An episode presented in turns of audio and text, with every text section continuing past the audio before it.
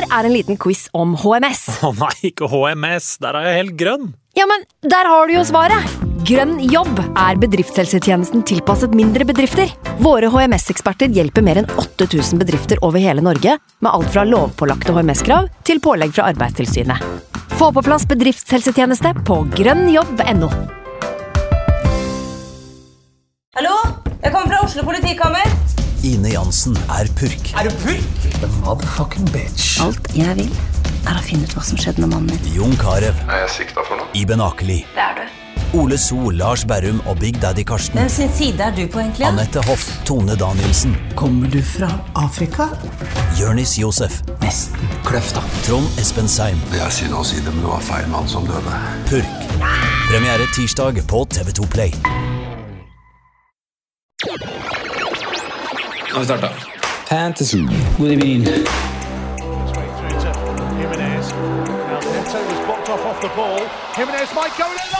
God evening.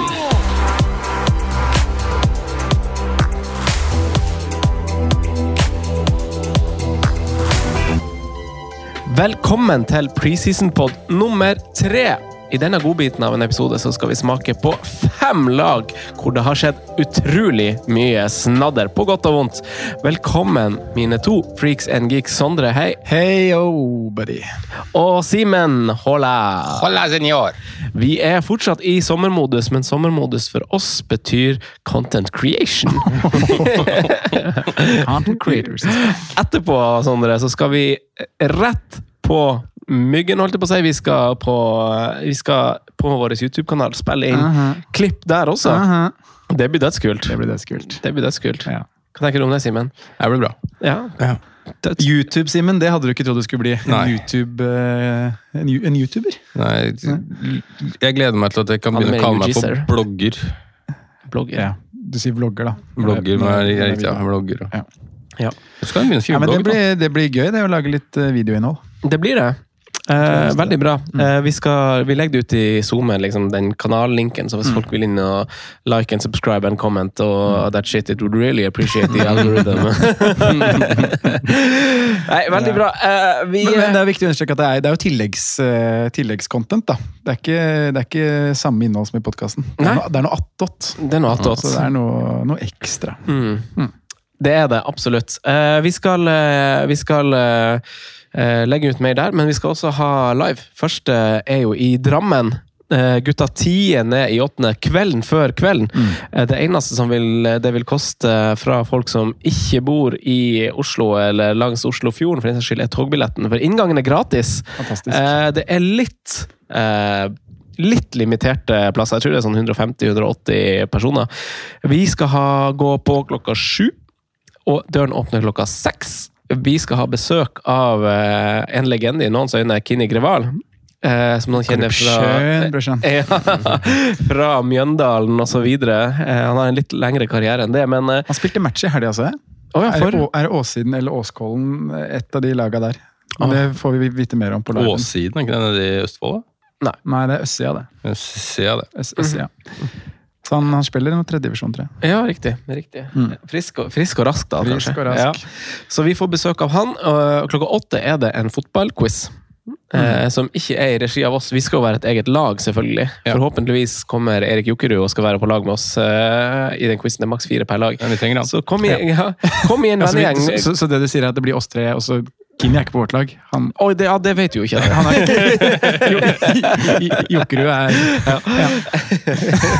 vi får sjekke. Den får du, får du ta der og da. Ja, ja. Men det er uansett gratis inngang, og det er en slags kickoff. Og så skal jeg, skal jeg og dere også, kanskje også signere litt bøker der. Eh, Du skal signere bøker. Jeg skal signere bøker, men jeg vil jo ha deres. og, eh, ja, nei. Åh, hva var det du skulle si nei, jeg skal ikke si hvor, noe. hvor du var på vei? Et feil sted. Har du fått mye autografforespørsler på andre ting enn bøkene? Nei, det var ikke det. Nei, har ikke det. Ikke ennå. Har du? Nei. Nei. Bare vent til han starter YouTube- YouTube-kanalen. Ja. mm. da, da, da. Men det blir et bra arrangement. Drammen blir det. kulturhus. Ja, det Ja. blir, eh, det blir masse som skjer. Mm. Så det er jo uh, veldig bra. Kult fotballquiz òg, så det Mm. gleder vi oss til. Veldig kult. Det blir selvfølgelig Jeg tipper servering der. Ronaldinho er svaret på hvert fall ett av eh, spørsmålene. Tror du det? Mm. Hva tipper du svaret på et av spørsmålene, Sondre? Eh, nei, Osman Nyan Oi! skal ha noe Dram, gods- eller Drammensrelevant. Oi. Noe. Drammensrelevant. Ja, Mm. det er jo kanskje ikke så dumt. Eh, Stian Ord. Osmanian Stian Ord. Et eller annet i den gata der. Stian Ord. Den er fin! Fytti katta. Eh, nei, hvor skal vi da? Så det må jo være noe sånn geografisk også. Eh, med hvor et klubb er et svar, eller en by, eller noe sånn rivaleri. Eh. Jeg hadde jo en trener jeg, når jeg spilte i Ørn Horten, som heter Ståle Brandsrud. Og han er jo den mest skårende spissen i norsk fotball, sier han sjøl. Og han er jo fra Drammen, Mm. så kanskje vi skal ha et svar med Ståle Brandsrud. Det er, kan være svar, men det er også ganske far out. Det er jo det. Så det spørs hvor vi legger den her eh, Ja. lista på den quizen. Sier han sjøl? Er det, Nei da, det- det, det- lavere divisjoner? Ja, dra Draffen og sånne type ting. Men Han har scoret- det, det, er noe Wikipedia-side på der. Altså. Wikipedia. Wikipedia. For det må jo være den laveste divisjon i forhold til de rekordene som settes der, vel? Um, ja, det skal vi se her, da. Brandsrud. Snakk videre, dere skal finne hvor mange Ja. mål. Nei, det, Tidenes målskårer i norsk fotball med 574 mål på 459 kamper. det er mange. Ja, det er en del. På A-lagsnivå, sikkert alle divisjoner. da. Ja. Ja. Mhm. Yes. Hva heter han eh, spissen som var i Vindbjart, da? Gausdal. Ja. Ja, han har også skåra en del mål. ja. Gausdal må også ha noen mål. Eh, veldig bra. Vi, eh, vi beveger oss inn på mer eh, lyttervennlig terreng, som eh, jeg tror de fleste har trykt play for å høre på. Eh, og vi skal gjennom fem nye lag eh, i denne episoden, og så har vi en til episode rett etterpå. Vi har Fulham, vi har Brentford, vi har Tottenham, og vi har Aston Villa, og vi har Brighton til slutt. Eh, veldig spennende lag i min bok, og vi har eh, vi har selvfølgelig fordelt, eh, fordelt eh, lag eh, hvert for oss, eh, og gjort hjemmeleksa, som vi har gjort i de to første episodene. Det er jeg som starter ballet med Fullhem. Og da kan vi starte der. Klar for det? Klar for å starte la med oss Fulham? bare dunke Ja. ut med, med Fulham. Ja. Eh, kjære Fulham. De hadde bygga seg et eh, solid fundament etter et godt gjensyn i eh, Premier League, men nå ryker det røyk fra hytta ved Themsen der. Det kan man trygt si. Og som man sier, med mindre med man det er snakk om røyksopp, så er det ingen røyk uten ild. For den hytta der, den brenner om dagen. Eh, de har fått kasta på seg masse, masse problemer som jeg tror antar vet at eh, de ikke hadde sett for seg eller håpa på. Uh, Craven Cottage brenner, har jeg skrevet, faktisk. På Det er brutalt. ja, jeg har skrevet det, fordi at uh, på, altså på, uh, på overgangsmarkedet sier det seg sjøl at det står på en måte litt stille, samtidig som det er ganske masse bevegelse. Ingen er bekrefta av klubben, selv om, selv om Fabrizio har Here We Go av både Raúl Jimenez, eller Jimenez og eh, William, som eh, et par uker på free transfer eh, takka nei til Nottingham Forest og tar en retur til, eh, til Fulham. Eh, så, så det er liksom eh, snakk om både spillere Tunge navn, egentlig, både på vei inn og ut, med Mitrovic, Tosin Adara, Adarabaio på vei ut også. Mm. spillere som liksom har sagt at de er, de er ferdige der.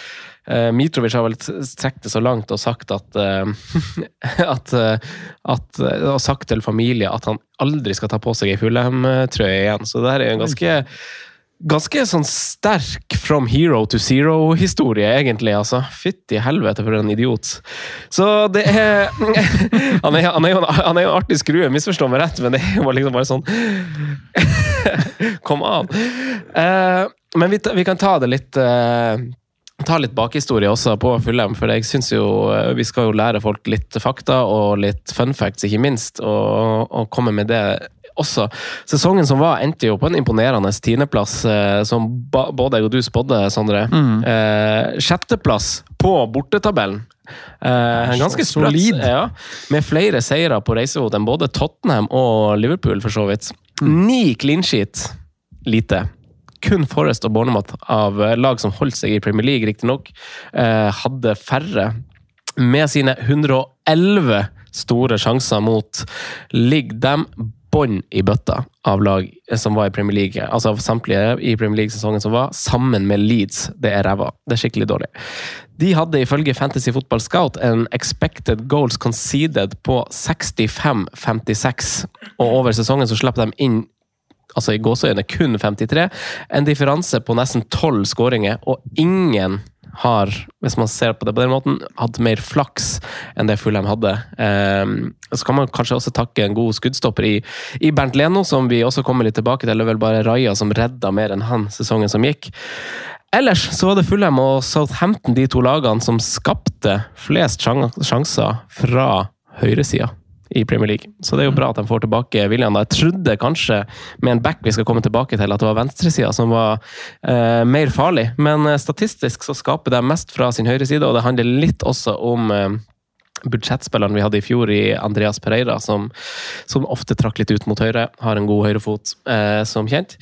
De spilte sin første treningskamp mot fellow London-lag, som vi også skal gjennom i dag, Brentford, i går kveld her i Snakkende stund på mandag. Så hvis du hører det som, som Patrion, så har du allerede hørt det her. Hvis du hører det som podkast, så hører du ikke før ut i august. Eh, men det er et eh, godt og blanda lag de, de starta opp med der. og Man tar jo treningskampene litt for, uh, for det det er. Uh, Palinja startet som stopper, men han gikk jo av med skade i mm. første omgang. Kjempebekymringsverdig. Uh, potensielt skulder ut av ledd. Ikke kommet noe bekrefta der. Det kan være kragebeinsbrudd, men det kan gjøre at, uh, at Fulheim også mister sin viktigste spiller, vil jeg tørre påstå, allerede før startstreken. de starter med en 4-5-spiss, Munis på topp, Venitius på benken. Jeg kommer tilbake til de også. Mitrovic er selvfølgelig ikke med. Og jeg kan ta det litt lag for lag, for vi starter på keeperplassen, hvor eh, man kan påstå at de er godt skodd og har en keeper som kanskje passer godt til eh, laget Fullem.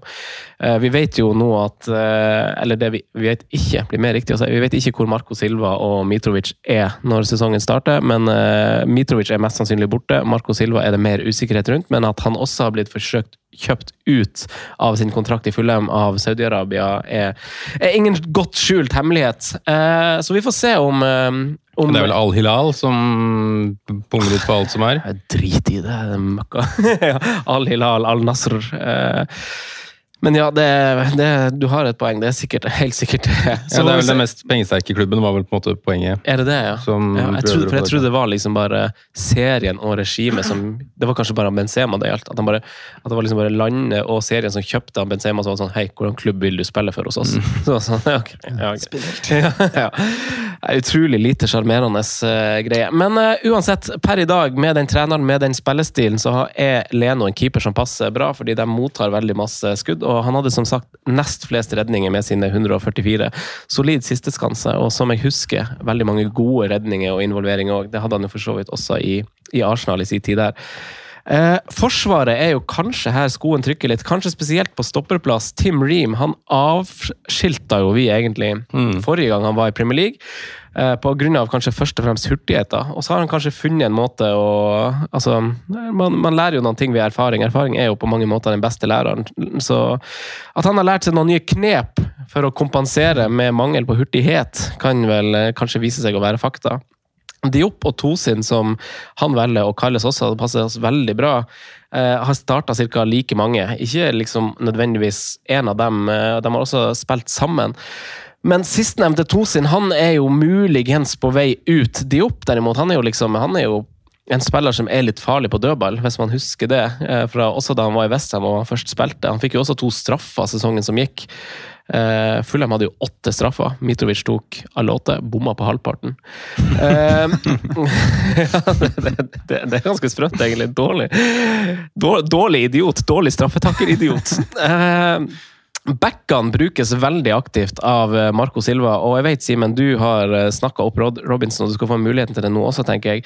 Eh, statistikk og synsundersøkelse viser at de overlapper titt og stadig og er veldig aktive, og det kan egentlig bekreftes med antall innlegg de slår. De hen, altså Robinson og TT TT har spilt litt mindre enn Robinson, men de slo henholdsvis femte og niende mest innlegg sesongen som gikk av samtlige forsvarere i Premier League allikevel så er det ikke noen store sjanser av det som er skapt av det, så av liksom nevneverdig god statistikk som vi kanskje liker å se på, om det er XG, XA, om det er store sjanser skapt, touch i boks og sånn, så ligger de ganske langt ned. Men de slår masse innlegg. Eh, Tilsynelatende uten veldig god adresse veldig ofte. Eh, Robinson er allikevel soleklart det beste valget dersom du av en eller annen grunn skulle, skulle ønske deg noe defensivt fra Fulham bak Leno, kanskje, fordi at du satser på å få litt redningspoeng. Mm.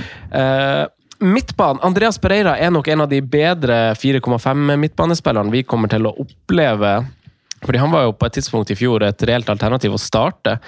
Delt tredjeplass på dødballskåringa hadde Fulham sesongen som gikk, mye takket være den tidligere Manchester United-mannen. Eh, De hadde 15 skåringer på dødball. Eh, Det er jo ganske masse. William, som ikke enda er klar i spillet eller lansert av Fulham, han blir jo også å finne på høyresida denne sesongen, som beskrevet innledningsvis. Og tendensen har vært god statistisk blant de to, altså Pereira og William. Både overliggende og underliggende tall ganske bra gjennom eh, sesongen, og kanskje ja, spesielt i perioder. Men det er jo først og fremst på topp det kanskje er spennende i, eh, i, med negativt og positivt fortegn i Fulham. Mitrovic eh, han lager trøbbel på et tidspunkt hvor man egentlig ikke har råd til den slags type rør. Men sånn er det jo blitt. Spillere har jo fått for mye makt, og de driter i eh, kontraktene sine. Eh, nå skal han ut, og han eh, skal ha sagt det han har sagt til familie. Han skal ikke trene mer, og skal det er ikke måte på. Han sto for 14 skåringer og én målgivende pasning sesongen som gikk, men starta jo som kjent pga. Eh, litt sånn drama med dommer og litt sånn temperament der. Kun 23 kamper. Men på de 23 kampene han starta, så var han involvert i 45% nei, unnskyld, 48 av eh, Fulham sine skåringer. Det som er interessant, er jo egentlig erstatteren. Sett at vi gjør en slags bekreftelse om at Mitrovic ikke tar en helomvending her, så er jo Venicius det som man ser for seg at det er han og ikke Raúl Jiménez som, som, kommer til å spille. Det, mm. det, er litt vanskelig å si, men han vanvitt, har vanvittig gode tall når han faktisk spiller. og Da kan man si at han kanskje spilte i en periode hvor Fulham var i en slags flyt. Mm. Mm. Uh, skårte fine, fine mål, var involvert i 39% av skåringen da han da han var på banen. Så den behøver ikke være dum til 5,0. Eh, faktisk. Greff forrige episode hvor vi snakka om midtbanespillere til 5,0, så har vi kanskje en spiss her som er, som er best på, på, det her. Så det, det spennende rundt her Jeg tror ikke han Munis kommer til å spille, selv om han starta i går. Han hadde jo egentlig et mislykka låneopphold i Middlesbrough. Nå var jo Middlesbrough god forrige sesong, og det er kanskje vanskelig å bryte seg inn i et championship-lag som er i flyt. Eh, men han spilte uansett lite og tror ikke trenger å være et tema per i dag. Så det er jo noen store spørsmål å stille her. Eh, hvem tar straffa? Tar Pereira de også plutselig? Han har fått prisen av 5,5. Er det William mm. som skal inn og ta de? Eh, det er jo spørsmål som er verdt å, å stille seg, men programmet til Fulham eh, gjør jo at de ikke appellerer veldig veldig, veldig mye til oss. En starter borte mot Everton, som kanskje blir en konkurrent, konkurrent ned i sumpa. Brentford, eh, en viss nabo lenger nedover Themsen, eh, senere. Arsenal borte, City borte. Eh, god bortestatistikk fra forrige sesong tror jeg ikke hjelper dem eh, akkurat der. Altså. Så det er jo ikke et lag vi styrer til, eh, og det er vel kanskje et av de lagene vi noterer oss som at vi aller Altså, det er litt frykt der nå for at det her kan gå dårlig i den her redeby, altså re-andre sesongen for Fulham. Eh, Simen, det er jo et lag du Jeg vet at du har snakka opp Robinson, jeg vet at mm. du har en viss kjærlighet for for Mitrovic. Det er lov å være glad i idioter, for han har jo en viss karisma. Man liker jo det, så misforstå meg rett, men uh, Fulham er jo et lag du også har litt snøring på. Men det er lov å, er lov å være glad i typer og være, mm, på en måte bli fan av de, og så er det lov å endre mening når man gjør visse valg. Uh, det er mange som jeg har trykket tett til brystet, som, som ser ut til å gjøre veldig, veldig, veldig dumme valg om dagen. Og jeg fatter ikke at det er mulig at ikke bare at okay, de får penger og ditt og datt, men å dra til et sånt land, å være der og bo på sin egen boble innesperra og ikke leve til et samfunn, jeg, jeg forstår ikke det.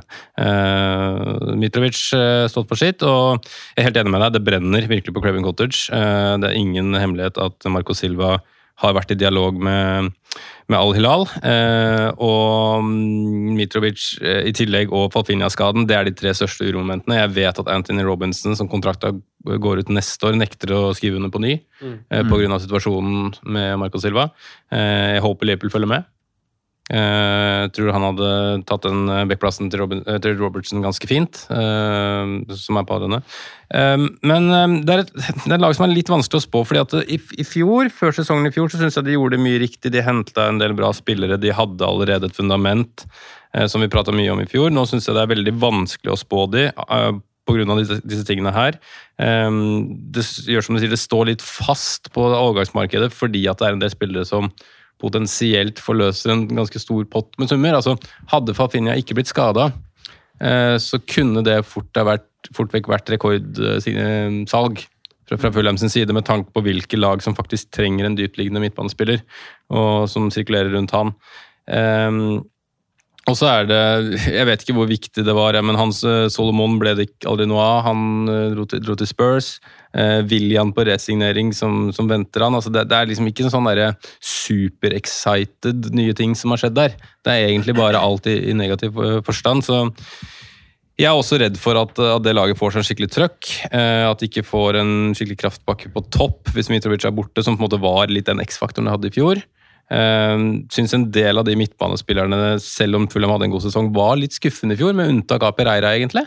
Uh, Harry Wilson, ikke all verden. Jeg syns ikke han Solomon var all verden ellers. Jeg er veldig overraska over at Tottenham har plukka opp han foran nesa på de. Hadde noen fine skåringer. Ja, men, men, det var liksom så lite fordelt over en sesong, da. Uh, Mista jo også Fabio Cavallo før i fjor, så jeg syns det begynner å tynnes litt i rekkene offensivt der. Eh, og når i tillegg vi har eh, plassert det forsvaret som relativt svak Ok, god keeper, med på den. Med på at Tosin er er en god stopper, men totalpakka begynner å bli svakere og svakere. og svakere. Eh, jeg frykter at vi skal ha et lag som skal rett ned i nedrykksstrid her. Mm. Med mindre måte, det skjer noe drastisk da, i løpet av de ja, det er, jeg husker jeg ikke når overgangsvinduet stenger, men det er vel et par uker igjen å, å gjøre noe på. Mm. Ja, de vinner jo 3-2 i går, og Marco Silva er jo med, med der da. Men mm. uh, Sondre, har du noe å følge opp med, da må du gjerne gjøre det. Hvis ikke så må vi hoppe til eh, Da må du ta tabelltipsoppdatering for oss før vi skal plassere Fulham. Men gjerne dine tanker ja, først. Nei, da, men jeg har ikke så mye å følge opp med, da. Men, må ikke følge opp bare for å følge opp. Det, nei, du. Men du nevnte jo Raúl Jiminez, da. Men bare det syns jeg liksom sier litt om hvor mm. Fulham står nå. at eh, Med all respekt for Raúl Jiminez mm. og det han har gjort i, i Wolverhampton og sine sesonger i Premier League, men, men, det er en spiller som nesten ikke har spilt kamper de to mm. siste åra. Hvis det er den mannen som skal inn og på en måte ta over Mitrovic-pinnen, så så syns jeg det blinker noen varsellamper der altså, de, også. De må kjøpe seg en uh, eh, 35-40 millioners pund spiss mm. hvis Mitrovic drar, minst. Mm. Uh, det er spørsmål om de har råd til det da, uten eh. å selge Falfinia. Ja, mm. så... Vinicius skåret i går, da. Jo, han gjorde det, og som du sier, altså, har han jo veldig gode tall. Han har uh, nevnt jo prosenten der, og syv målpoeng på, på rundt 1000 minutter i, i fjor er bra. Men da var Fulham i en god periode, da. Mm. Så, men ja, vi kan ta opp tabelltipset og dunke det inn. Jeg frykter at vi skal frykte på Fulham sine vegne at vi skal ha det ganske langt, uh, langt ned. Vi putter jo lag inn uh, ettersom vi har gått igjennom de, og tabellen vi har per nå, da, etter å ha gjennomgått de, de ti første klubbene, er Chelsea på topp foran Crystal Palace, Westham, Nottingham Forest, Everton. Burnley, Bournemouth, og de tre nederste lagene er Wolves, Sheffield United og Luton. Jeg skal ha de under Everton. Under Everton foran Burnley. Under Everton foran hvem, mm. hvem som er Da har du Burnley, Bournemouth, og så er det liksom de tre nederste per nå. Wolves, Sheffield United og Luton. Oi, burde egentlig hatt du ja. Vet du hva, Så du har Bournemouth, Burnley under de begge to? Var det? Mm. Jeg vil ha de nesten bak Bournemouth, jeg tror jeg.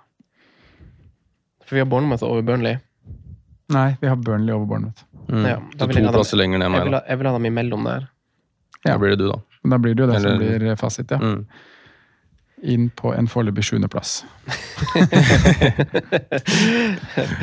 Bedre enn i fjor! Bedre enn, enn så lenge. Da tar vi oss en liten pause, og så er vi eh, tilbake med deres motstander fra deres første treningskamp om få straks av. Vi beveger oss lengre vest langs Themsen, sier vi er i en slags jolle eller en, en si, katamaran eller seilbåt. Sånn rett. Det er kanskje ikke det man bruker på Themsen. Helst katamaran. katamaran på Themsen. da er vi der. Litt lengre vest, eh, men vi forholder oss ved Themsen, som sagt. Brentford er jo et sånn elvelag, dem òg. Eh, Sondre, det, det, er ditt lag, få høre. Ja, det er mitt lag. Ja, det, er det, på mange, vært, mange, nivåer. Det har vært mitt lag siden de rykka opp, holdt jeg på å si. Det det, det, har jo sin rot i FM, da, så mye har for oss når det kommer til fotball. Men jeg har utallige filer med Brentford på fotballmanager, og har vel også hatt ansvar for, for laget i de to foregående preseason-episodene etter opprykket. Eh, nok en solid sesong gjennomført av The Bees og Thomas Frank. Eh, ytterligere steg på tabellen, fra 13. til 9. plass. Ytterligere steg hva gjelder spillestil. Eh, og ytterligere steg hva gjelder eh, dødballskåringer, som jo er kjernen i eh, Brentford sin fotball. Jeg leste en artikkel som oppsummerte dødballer og liksom hvor mange antall skåringer på dødballer siden Brentford har kommet opp i Premier League, så er de nummer tre på lista. De skårer på hver 19. dødball. Det er vel kast også inkludert, da. Det var en artikkel i The Athletic hvor jeg så det her. Ja, for de har vel samme, om jeg ikke tar feil, samme, hadde samme innkasttrener som det Liverpool hadde en periode? Det han kan godt stemme, det. dansken eh, Han du har hatt som gjest i Ynta? Ja, eller jeg var ikke med på den episoden, men stemmer. Ja, Men da er dødball, da er dødball Det er ikke liksom direkte scoring fra den dødballen, nødvendigvis. Det er en dødballsituasjon, på en måte. Ja, og da, og da er liksom du har De er gode på den fasen, da. Ja. Den rett Så, etterpå. så det er liksom noen ganger så slår de på tredjeball, ball, fjerdeball, femteball. Alt som Fresh, ja. ja. De slår liksom på en er stopper tunge, som kommer og header inn i Ja, de det er det. Og det er jo, ikke sant, da har du kast med også, og der er de jo ekstremt tunge. Eh, Men de får jo, ikke sant, de er, Det er nummer tre på lista. City var et av lagene som, som var foran. Men de får jo, mye, de får jo færre dødballer. Ikke sant? Topplagene får jo flere dødballer. Det er jo mye mer angrep og mye mer corner og sånne type ting. Så den statistikken der er enormt imponerende av, eh, av Brentford, altså.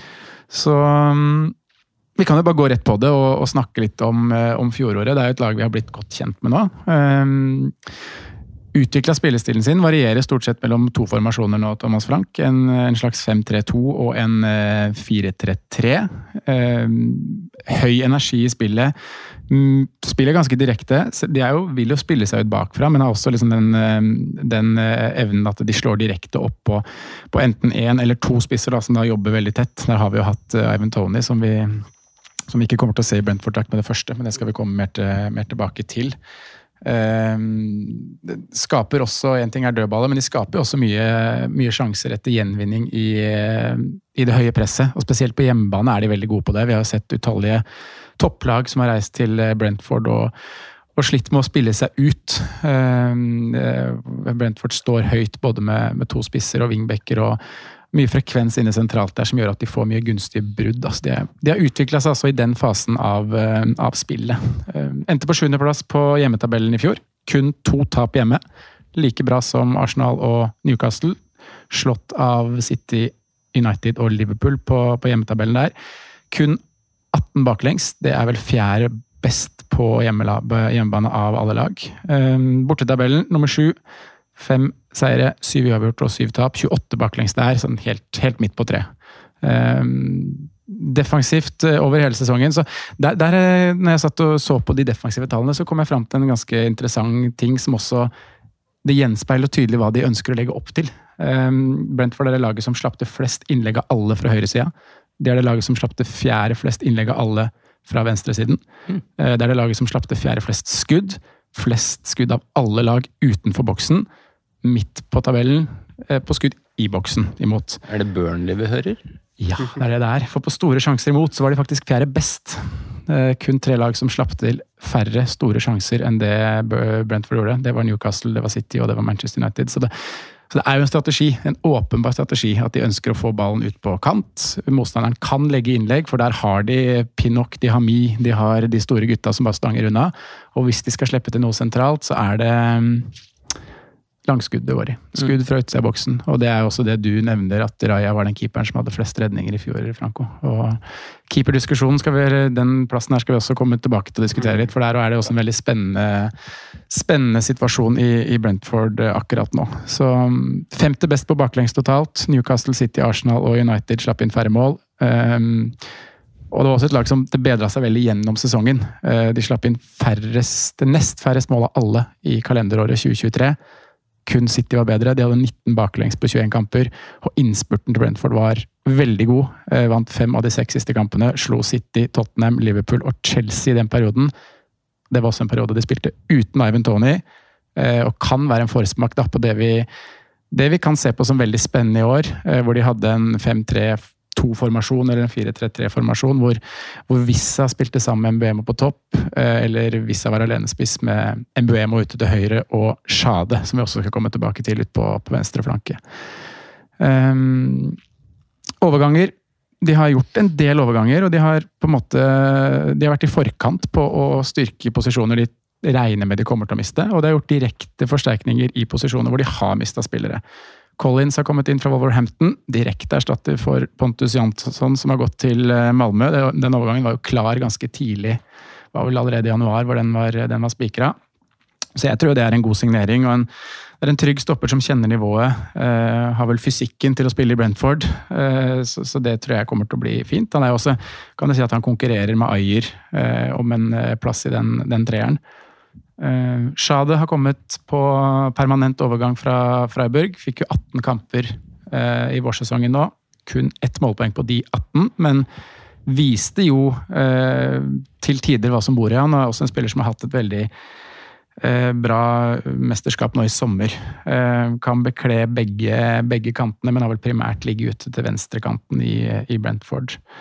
så nevnte jeg jo keepersituasjonen. Der er jo Flekken, signert fra Freiburg, 30 år, 44 kamper foregående sesong. 13 clean sheets. og han, han, er jo en keeper som på en måte går rett inn i den type fotballen som Brentford vil spille. da. Eh, god både i kort- og langpasningsspillet sitt. Eh, Frank har vel uttalt at han er en spesielt god uh, skuddstopper, uh, så det høres jo veldig fint ut for, for den type fotball. Og også en sweeper-keeper som, som, tør å stå langt ute og operere som en, uh, en sweeper i de fasene hvor Brentford ønsker å stå høyt. Så de er glad i fysisk robuste mennesker, altså. De Brentford. Det her er vel eh, en, eh, to på 1,90 pluss og en ja, på 1,85. Så, er høy. Ja, ja. så de, de, bygger og gjør seg enda mer robuste og solide, og det, det, det, er et lag som er rett og slett eh, helt for jævlig å møte. Ja, jeg tror det, altså. Mm. Jeg tror liksom du kan, Når du møter Brentford, så du veit jo hva som kommer på, på dødballer, og du kan, du kan analysere deg i hjel og tråkke opp uh, mønstrene deres, men det er nesten litt sånn umulig å forsvare seg mot det. da, Når du liner opp med en rekke med Pinnock, Me, Ayer og nå skal liksom Tony har vært ja, Collins inn på 1-3 da. Collins inn der, det kommer Shade inn der, så jeg tror ikke den, uh, den statistikken på dødballskaringen kommer til å gå noe ned ja. i 2023-2024-sesongen. Men vi kan gå på De vet jo hva de driver med i forhold til overganger og business ja, og, jo... og hele den regla som jeg har vært gjennom tidligere. De, de, de bygger ganske fundament og sol, solid. Ja. Og tydelig scouting bak hver eneste overgang. Um, troppen, skal vi snakke litt om den? Gjerne. Ja. Uh, vi har jo nevnt overgangen din nå, så keepersituasjonen er jo veldig spennende å følge nå gjennom preseason. Uh, du nevnte kampen i går kveld mellom uh, Fulham og Brentford Franco. Da da var det Flekken som starta. Eh, Raja kom jo inn og få minutter. Eh, kontraktsituasjonen der er jo at Raja sin kontrakt går ut neste år. Eh, og det har vært flere klubber som har vært på han i sommer. Det har ikke skjedd noe. Noen av de klubbene som har vært på han, har fått seg ny keeper. Så man er jo Jeg ser jo nesten for meg at han blir værende nå. Mm. Men likevel så er jeg jo der at jeg kan se for meg at Flekken står i mål. Mm. En ting er at de er, de er nok ganske jevngode, men kontraktsituasjonen der, at de vet at Raja da mest sannsynlig kanskje ikke signerer ny kontrakt, gjør at de rett og slett prioriterer nysignering Flekken. Mm per nå. Men um, det må man jo bare se. Det er fortsatt en del preseason-kamper igjen for, uh, ja, for de som hører det her på Patrion. Uh, når vi er i august, så vet vi litt mer, men Flekken koster jo da 0,5 mindre enn det Raja gjør. og um, kan bli høyaktuell å gå med, um, gå med allerede fra start, tenker jeg. altså. Jeg syns keeperposisjonen i Brentford er kjempespennende med tanke på det du sa i stad, egentlig. Mm. Altså, altså, som Simen viser litt med at det er liksom nye Burnley.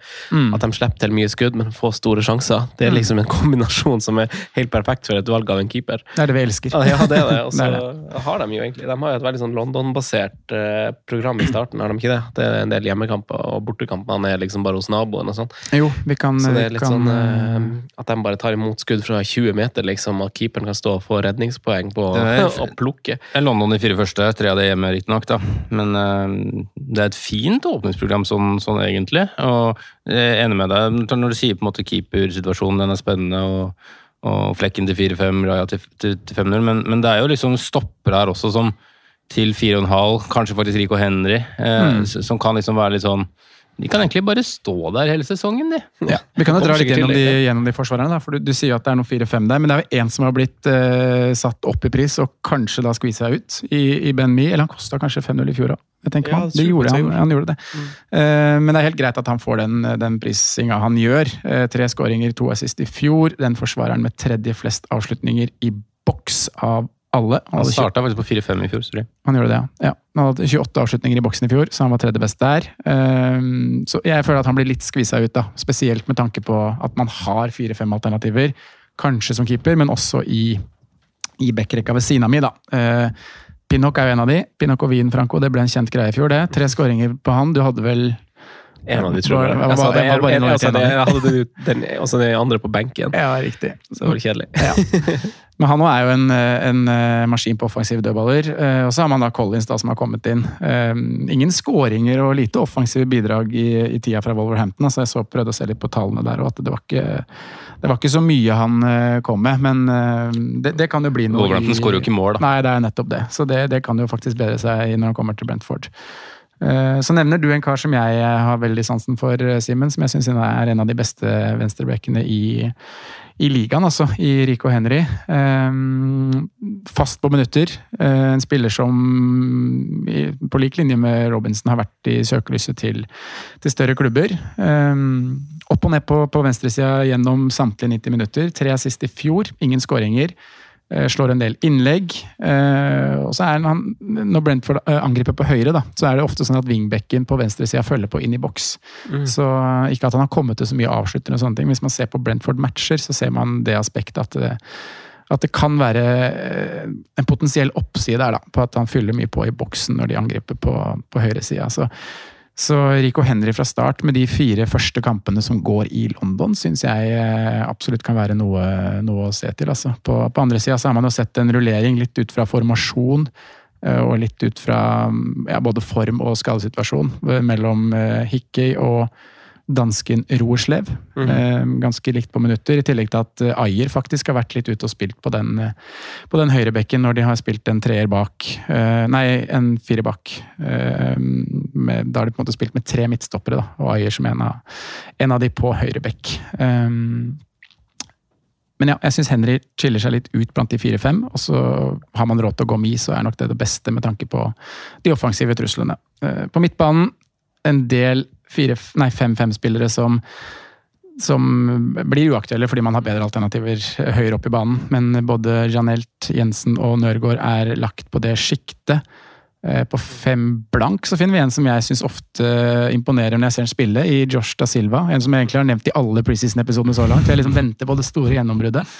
Men eh, fire skåringer og to assist i, i fjor. Uh, Indreløper tier som, som jeg igjen sier følg med på, altså. For jeg syns han er bra hver gang jeg ser han spille fotball. Um, koster fem blanke i år. Um, men når vi går over til interessante, så er det jo to, om ikke tre spillere, da, som skiller seg litt ut. To av de står som midtbanespillere. Mbuemo prisa til 6-5. Blitt årets Bailey, kan man si. Litt dyrere penger, men uh, den spilleren som uh, opererer i flest uh, draft der ute akkurat nå. Ni skåringer, ni assist i fjor. En livlig, direkte eh, spiller. Eh, føler også han har blitt en bedre og bedre avslutter eh, med de to årene han har hatt i Premier League nå, selv om det fortsatt er mye tverrligger. Jeg så det var en tverrliggeravslutning i går også mot Fulham. Eh, men det at Tony er ute også, da, det, det, det, plutselig er Mbuemo på straffer, eh, tar litt cornere. Eh, og det at han står som midtbane, gjør han høyaktuell, da, spesielt når han da kanskje skal spille som en av to spisser sammen med Vissa. Prisa til seks blank. Eh, litt som Venicius, veldig effektiv. 1500 minutter i fjor, 11 målpoeng. Syv skåringer og fire assist. Eh, en evne til å være der, vi, der liksom ting skjer. Vi, vi hadde den jo faktisk litt oppe til diskusjon i innspurten i fjor, husker jeg, Simen, hvor vi, hvor vi snakka om akkurat det der. Da fikk han jo mye målpoeng fra benken. Eh, Så fikk han jo prøvd seg fra start i innspurten, så man så at det tospannet der fungerte veldig godt. I tillegg til de to så har man jo en Shado da, som er prisa til 5-5. Eh, Jeg vet at du, Franco, har vært, eh, vært tidlig på der og satt han inn i et par eh, drafts over Mbuemo. Man venter jo fortsatt litt på målpoengene der, da. Men eh, får man han ute på venstrekant, så, så kan også det bli veldig veldig spennende. Altså. Så er det jo en åpenbar Man må jo snakke om hvor, hvor tøft frafallet av Tony skal bli for Brentford. Vi snakker 20 skåringer og fire assist på, på de kampene han spilte. Men eh, de viste jo da i innspurten, jeg refererte jo til den gode rekka de hadde der i start, mm. at det fungerte også med, med Mbuemo og, og Vissa. Så jeg, jeg syns egentlig alle de tre er spennende alternativer fra start. Og så, og så ser du jo litt på troppen deres også, at de har egentlig, når man, når man går gjennom troppen og ser på liksom hele laget, at de har en ganske bred tropp. Mm. Eh, De har en del spillere som ble henta i fjor som egentlig ikke fikk så mange minutter. Så man tenker litt sånn Kommer på en måte Er første sesongen bare litt sånn tilvenning? Og er det nå de skal begynne å på en måte formes? Er det nå kanskje nye navn kommer fram? Jeg, jeg venter fortsatt litt på det virkelige gjennombruddet til han Damsgaard. Eh, Ja. som var veldig veldig god i det mesterskapet eh, 22? Ja, 20, 20. 20 blir det. Som gikk i Eh, 21. Riktig. Ikke det riktig? Ja? Det, det blir riktig. Eh, også Louis Potter kom jo også inn i fjor. Mm, fint å nevne han, for han var også en som starta i går mot, uh, mot Fulham. Ja, så skal liksom disse ta steg og ta liksom litt nye roller. Shada er jo kanskje beste eksempelet, da. Så, som på en måte fikk litt on her og der i fjor, men eh, de har kjøpt den ut nå, de har troa på han, de har brukt en god dose med, med penger på han. Mm. Eh, kommer kanskje til å ta de stegene i fjor, og så er det jo superinteressant, altså, vi ikke skal prate så mye om det, om man skulle lirke inn en eh, en Brennan Johnson, Brennan Johnson. her, selv om det har virkelig har falmet litt. Men, eh, men uansett hadde det vært superspennende. Ja. Eh, rett og slett en veldig robust, solid stall som er inne på. Ekstremt musikk. Et par av disse tekniske på topp, men eh, rett og slett eh, et fundament... Altså et, Konstruksjonen av dette byggverket, det rammeverket, er så solid. da. Mm, jeg så føler det. jeg føler at dette- er en klubb som virkelig er kommet for å, for å bli i Premier League en, en lang, lang, lang periode. Og når vi går fra Fulham til å snakke om den troppen og det fundamentet som er, Ja, er i helt annet. så er det noe helt annet. Mm. mm. Men det er fint at du drar opp de navnene og du gjør det, Simen i Damsgaard og, og, og Louis eh, Potter. I tillegg så har de også en Frank eh, Onieka, som, Mm. som var tidvis inne og viste gode tendenser på, på slutten av fjoråret. Så, så de tre er jo prisa til fem blank, da, og kan jo være potensielle jokere.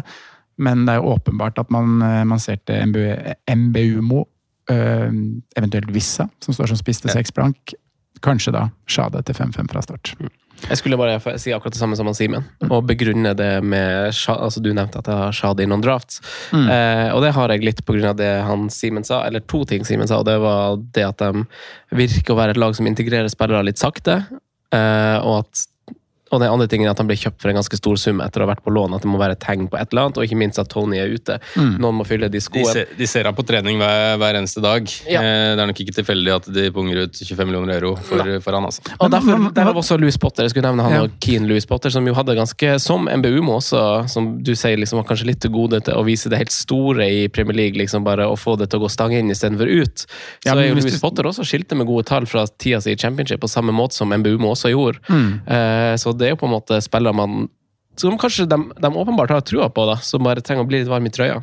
Men er Vissa noe dere vurderer fra start? altså? Seks blank som spiss? Eller er det hvis ikke, hvis, ikke, hvis ikke de henter en, en ny spiss, da, hvis ikke det blir noe Brennan Johnson, og, og de har den troppen eh, vi står med her nå 24. juli, så jeg er litt sånn småfrista, altså, med tanke på hans sine minutter og historikk på, på leveranse fra de to foregående sesongene. Det er artig spiller å starte sesongen med, da. det. Er det ikke det? Starte med Vissa på topp. Hjemme mot Spurs der i runde én. Jeg får en veldig god feeling når jeg ser på det programmet, egentlig. Mm. Eh, første, London, London, London. første seks, med unntak av Newcastle borte i runde fem, syns jeg ser veldig veldig pent ut. Du har fire hjemmekamper på de første Man kan seks. to Brentford-spillere. Og borteturen er jo med den katamaranen ned til Ja. Ja, som vi har pratet om at det kanskje brenner litt. Så, Ja, så det er fem kamper i London på, på Hvis de ikke bare aske på askebyd av hytta deres der inne. Ja. Så Joker, joker, joker. Ja, råfin, eh, rå, råfin, absolutt et lag vi må se opp for. råfin eh, gjennomgang eh, og et høyaktuelt lag som jeg har inkludert i spillere fra i masse masse draft Mm. til. Eh, vi skal straks videre til tredje, men først en liten eh, pause. Og først det, før, før det oh, skal vi ha det på tabellen. Det her trenger jeg, det her, det her trenger jeg av og til. Ja, men, det, er- men det er bra. Bra. Eh, Vi, har, vi er regnet med at vi skal bare, trenger bare lese de to-tre øverste lagene for å plassere Brentford. Eh, Chelsea er nummer én. Palace er nummer to. Westham er nummer tre. Nummer to. Ja. Enig. Stilig. Vi liker Brentford. Vi liker Brentford. Liten pause. Kjø! dagens, eller episodens tredje London-lag. Men vi må trekke oss unna katamaranlivet og elva, til tross for at det, det er på sommeren, Simen, er dette rette element. Elve og stryk, holdt jeg på å si.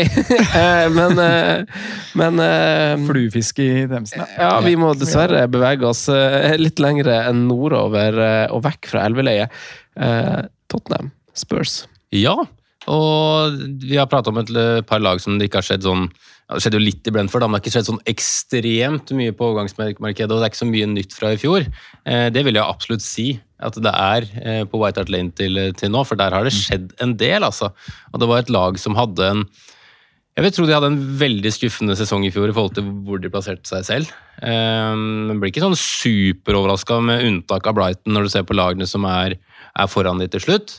Uh, De skulle nok riktignok ønske seg både over Aston Villa og Brighton i det minste, tror jeg, men uh, en åttendeplass ble det i, i fjor. Uh, Det store, store ankepunktet var antall baklengs eh, som gikk inn. Eh, Hvis man bare sorterer tabellen på antall baklengsmål, så er det nummer 15 altså, i, i fjoråret. Det er eh, virkelig ikke bra, og, og angrepet ble jo egentlig bare reddet av en, en Harry Kane som kanskje hadde en av sine beste sesonger. Uh, vil jeg tørre påstå. Uh, Riktignok litt i skyggen av at de hadde en nordmann som var uh, enda enda bedre, men um, Harry Kane bærte til tider det laget i, i fjor. Og, og det har skjedd en del på, på overgangsfronten, og de, de fornyer seg litt, føler jeg. eh, etter hva som har vært eh, tidligere. Og ny trener. En ukjent, relativt ukjent fyr for, for meg. Jeg følger ikke så mye med på skotsk Premier League, eh, selv om han eh, er veldig vant med hvilke lag som, som er i toppen. Og um, Ange Postegkoglu. eh, Der må vi bare etablere et, etablere et slags kallenavn tidlig, eller? Poste? Ja, eller lære oss etternavnet, sånn at vi ikke havner på en sånn sånn som han Simen sa, hasselnøtt i tre år. Det orker jeg ikke. Nei, vi kan prøve å unngå det. Postekoglu, jeg tror det er ok. Jeg Er gresk-australiener, født i Aten. Um, har tatt Celtic til uh, to ligagull på sine to forsøk, og tok tilbake tronen da, etter det ene året Rangers var på, på topp. Uh, når man ser på den der eh, plass, plasseringen de siste 15 åra, så er det jo 1-1-1-1-1-2-1-1. Så um, de, de troner på toppen der, altså, så det er ikke noe sensasjon at Celtic tar et uh, ligagull. Men noen artige fun facts er jo at de har ikke skåret så mye mål da, uh, siden uh, de vant ligaen i 16-17 under Brennan Rogers, så det er jo uh, en offensiv trener vi, vi ser her. Eh, også en ganske høy, høye poengsum, selv om det ikke er eh, toppen av de siste årene. så er det liksom, det er en, De har hatt en varians fra 69 til 106 de siste ti åra. Eh, og de to sesongene under jeg kaller han, grekeren, grek-australieneren. Eh, endte på 92-82 poeng, så det er ganske høyt oppe på, på den lista der. Eh, også vært tidligere trener for, eh, for Australia, uten at jeg har gravd noe, noe dypere inn i det. Så er det jo alt som har skjedd på vinduet, da, og der er det egentlig en del interessant. Vi kan jo starte med to spillere som var der i fjor, som bare har blitt uh, gjort permanent. Uh, mulig, det var, mulig Dejan ble gjort tidligere, men Dejan Kulusevski og Pedro Porro har gjort permanent. Eh, gode inntrykk fra de i, i fjor, og Pedro Porro har jo vist seg, eller begge to har jo vist seg være potensielle varp når, når Tottenham er i flyten. Eh, må man kunne si med en veldig offensiv back der, og, og Dejan Kulusevski som i hvert fall jeg syns tidvis var veldig dominerende i ba banespillet. Eh, kanskje litt lite output på, på målpoeng, men eh, sånn er det. Eh, av det defensive så er det ikke gjort så veldig mye store overganger ennå, men de har gjort et keeperbytte.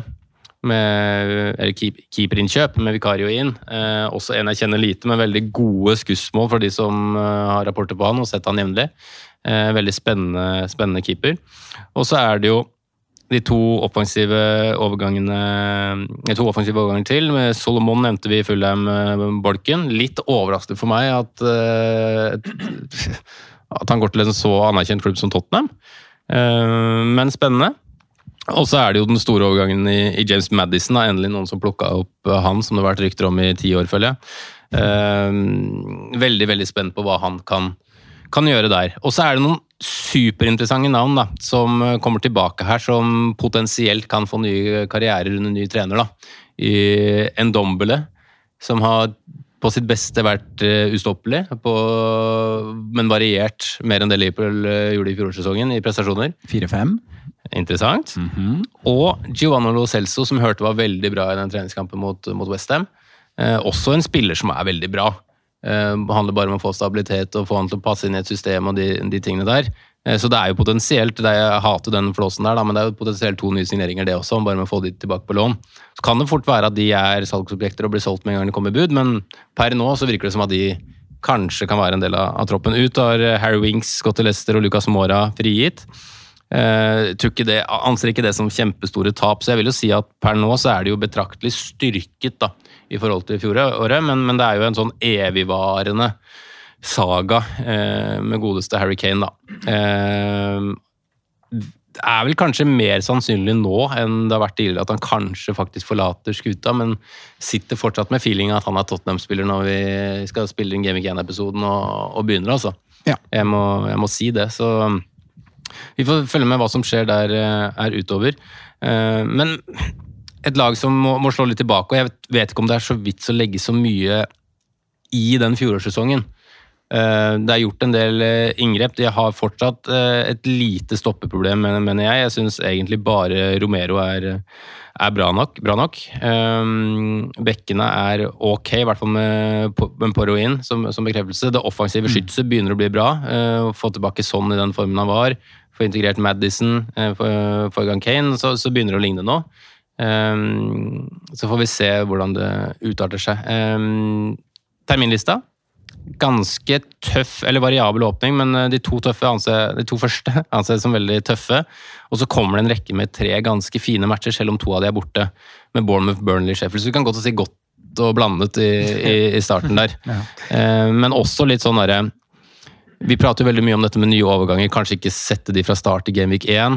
Det er, det er jo ofte litt sånn samme når det er ny trener òg. Vi vet ikke helt hvordan dette vil, vil slå ut. Det er en veldig offensiv anlagt type trener, og det, det er jo litt sånn rart når når hovedproblemet i fjor var først og fremst det det defensive. Men vi får se om de klarer å sette sammen et mer balansert type lag. Mm. Det er vel også rykter om at uh, dirigenten på midten der, Høiberg, også kanskje kan forlate skuta i løpet av sommeren. Og det er jo en mann som også bør erstattes, da, i, i mine øyne, hvis han, han forlater. Så Veldig spent på både hva målsetningen og sånn, hvor hardt Tottenham kommer til å satse her utover, men, men et lag som har uh, muligheter til å, til å slå litt tilbake, komme seg et par plasser opp på tabellen, eh, men som jeg, de fleste kanskje anser som per nå sjette plass, et eller annet sjette-sjuendeplass, noe sånt kanskje. Eh, Hvis man skal se på liksom rene sånn styrkeforhold. Jeg, ja, jeg syns det du, du drar fint igjennom det. Jeg, jeg tenkte bare på De har vært litt uheldige nå i sommer. De har hatt kampen mot Westham, som du sier, men så er jo kampene liksom deres nede i monsunland er jo utsatt. Så de får ikke, ja, de får ikke spilt kamper. Så det er jo liksom Det er tre uker igjen til Premier League, som han skrev, han eh, Åh, nå herregud, beklager til eh, Tottenham-mannen og vennen vår. Ja, takk. Uh, ja, som, eh, som påpekte det, så er det litt uheldig med så kort tid som det er igjen. Ja, de skal gjerne spille de kampene som er satt Ja. opp. Altså. Det, er, det er noe med det. Og da han ble ansatt, han treneren, så var jeg litt sånn Det var jo åpenbart liksom, det var litt plan B. Det virka ikke som det var han, liksom. Og samme med keeper, egentlig. Vikario, vet jeg. Jeg hadde han på en FM-save, og da fikk han etter hvert liksom tittelen 'omreisende keeper'. som jeg kjenner i karakterbeskrivelsen. ja. Han ville liksom bort og sånn. Men uh, uansett, han treneren Jeg tenkte liksom en gang jeg så han hadde kjørt om han, så var det sånn Oi, han mangla liksom litt swag, på en måte. Altså, er liksom, Utseende, eller? ja, det er, ikke, det er liksom ikke et krav at du skal ha, liksom, ha karisma og være litt sånn eh, Klopp, Arteta, Pep. At liksom, men altså, sånn, han var jo på en måte han var litt, sånn, litt, litt stor, og slipset var litt sånn eh, på halv åtte. og det var litt sånn, eh, hva, hva er det her? Men jeg hører jo veldig gode rapporter, da. Ja. Så man skal ikke, høre det, det- man skal Hører ikke om underholdende, attraktiv fotball. Ja, men jeg synes det er veldig interessant eller sånn, Det aspektet du drar fram her, det med at de var det laget som slapp inn eh, Det var fem, mest. ja, fem lag bak det, eller noe sånt, da, Ja. på baklengs. Og så mm, ansetter de likevel en trener som da byr til den offensive Mm. fotballen, og, og som angriper på den måten. Det, det syns jeg er spennende. Men, Jeg går- For det er jo Tottenham, og det er jo det man Mm. kanskje har savna litt. Og misforstå meg rett, for jeg heier jo på en rival, men jeg har jo ikke det rivalforholdet som man Jeg bor jo ikke i England, liksom. Jeg driver ikke og hater hater Bodø mer. ja, det er bare litt sånn, man, det var en periode Man husker jo Tottenham fra ganske fin fotball. At Mm. liksom, de har aldri vært liksom en sånn sett på som en sånn seriøs tittelutfordrer, som misforstår meg rett, men sånn, de har vært kule å se på. Man synes det var litt artig å se på Tottenham-kamper, Mm. og det har det ikke vært uh, på veldig, veldig lenge. Det har vært ganske sånn dystert, både Så under det Mourinho og kan vi sesongen som håpe det var blir nå. Ja, det kan hende det blir, og Madison er en veldig fin tilvekst sånn sett, fordi så ser man jo på Kane Ja, han er jo glad i Spurs. det var litt sånn. Det er altså litt sånn fram sånne Dorothy-greie. 15 år gamle tweets. Men det, var, det, var, det er jo liksom litt sånn spennende. Så vi vet jo ikke hva som skjer med Kane. Sånn begynner jo å dra på årene, han òg. Ja. Så det må jo på en måte litt sånn De må fornye litt. Men, Eh, men, men det er noen spillere jeg har lyst til å stoppe litt ved her. Du, vi toucher innom det offensive her nå med, med Madison, Son, Kane, Kulisevski. Jeg syns jo den fireren der, på papiret, med, hvis man tenker makspotensialet i Mm. alle de spillerne, og så har du Richarlison i bakhånd, det er bra. Ja. Det, er, det er veldig, veldig bra. Og så har jeg lyst til å stoppe litt ved, mm, eh, ved Pedro Porro, som du, som du snakker om, Simen. De har jo de har jo mange forsvarsspillere til 4-5, og så er det Peresic og Porro som er prisa til, til 5 blank, og det er jo med rette. Jeg satt og så på underliggende tall fra Fantasy Football Scout eh, og filtrerte da fra Gameweek 22-23, i det momentet Pedro Porro begynte å spille. Um, og da ser vi at han, han skiller seg jo veldig bra ut på det underliggende tall. Han har en expected goal involvement på, på 4-14 på de rundene. Det er, det er fjerde best bak Trippier, Trent Alexander Arnold Ailing, faktisk. Eh, Men Poro er fire der. Han er den spilleren som uh, skøyt nest mest av forsvarsspillere i, i samme periode. Um, jeg har hatt han inn i draft. Jeg syns han er veldig spennende. Eh, og da Spesielt eh, hvis man legger da til at de kanskje skal få en enda mer offensiv manager nå, da, som lar bekkene gå fritt frem i alle, alle angrep. ja, så er det jo så forskjellen på liksom Wingback og Beck, da. Eh, som kanskje kan være eh, negativt. Uh, Kanskje. Det, det, det, det, vet jeg ikke nok, liksom. Ja, er- så vet jo ikke jeg heller nok om på en måte Hvordan heter det? Postekoglo. Om Mm. han er en type som på en måte tilvenner seg troppen, eller om han på en måte har en klar spillestil, og så skal spillerne inn i det på en måte eh, regimet eller taktikken hans. da. Nei. Så det, så det må man også bare bruke preseason, bruke rapportene, bruke andre Twitter som, som, som følger med på Spurs. da Kanskje lese gjennom et par tweets fra, fra de som følger Tottenham tettest av de, av de norske, se hva som faktisk skjer. eh, hvem de skryter av, hvem som ser ut til å være i beste posisjoner. da. Mm. Men at han kan være et varp, og kommer til å være et varp minimum tidvis i denne sesongen, her, det er jeg ganske eh, liten tvil om. Mm. Nei, det er jeg helt enig i. Det, det er et ganske interessant lag. og Jeg er veldig glad du nevner eh, Pedro Porro, faktisk. For det husker jeg nett- måtte skrive det ned liksom, i blokka mi, som, som jeg har foran meg her. og noe, noe som var bare sånn Oi! det Men jeg, men jeg ønsker meg en stopper til inn der, egentlig, sånn for, for det defensive aspektet. da. Altså Selvsagt du kjøper en forsvar til fem blank, så stor offensiv trussel, så er jo nesten clean-sheetene nesten bare bonuspoeng. Men, Mm. Men jeg, men jeg ønsker meg en stopper inn til der, fordi Det virker som de ønsker det òg. Ja, det er, for, det er for mange som er mediokre mm. uh, av de stopperne der. Uh, og Romero også har, til en, har litt, stor, litt for stort spenn, føler jeg.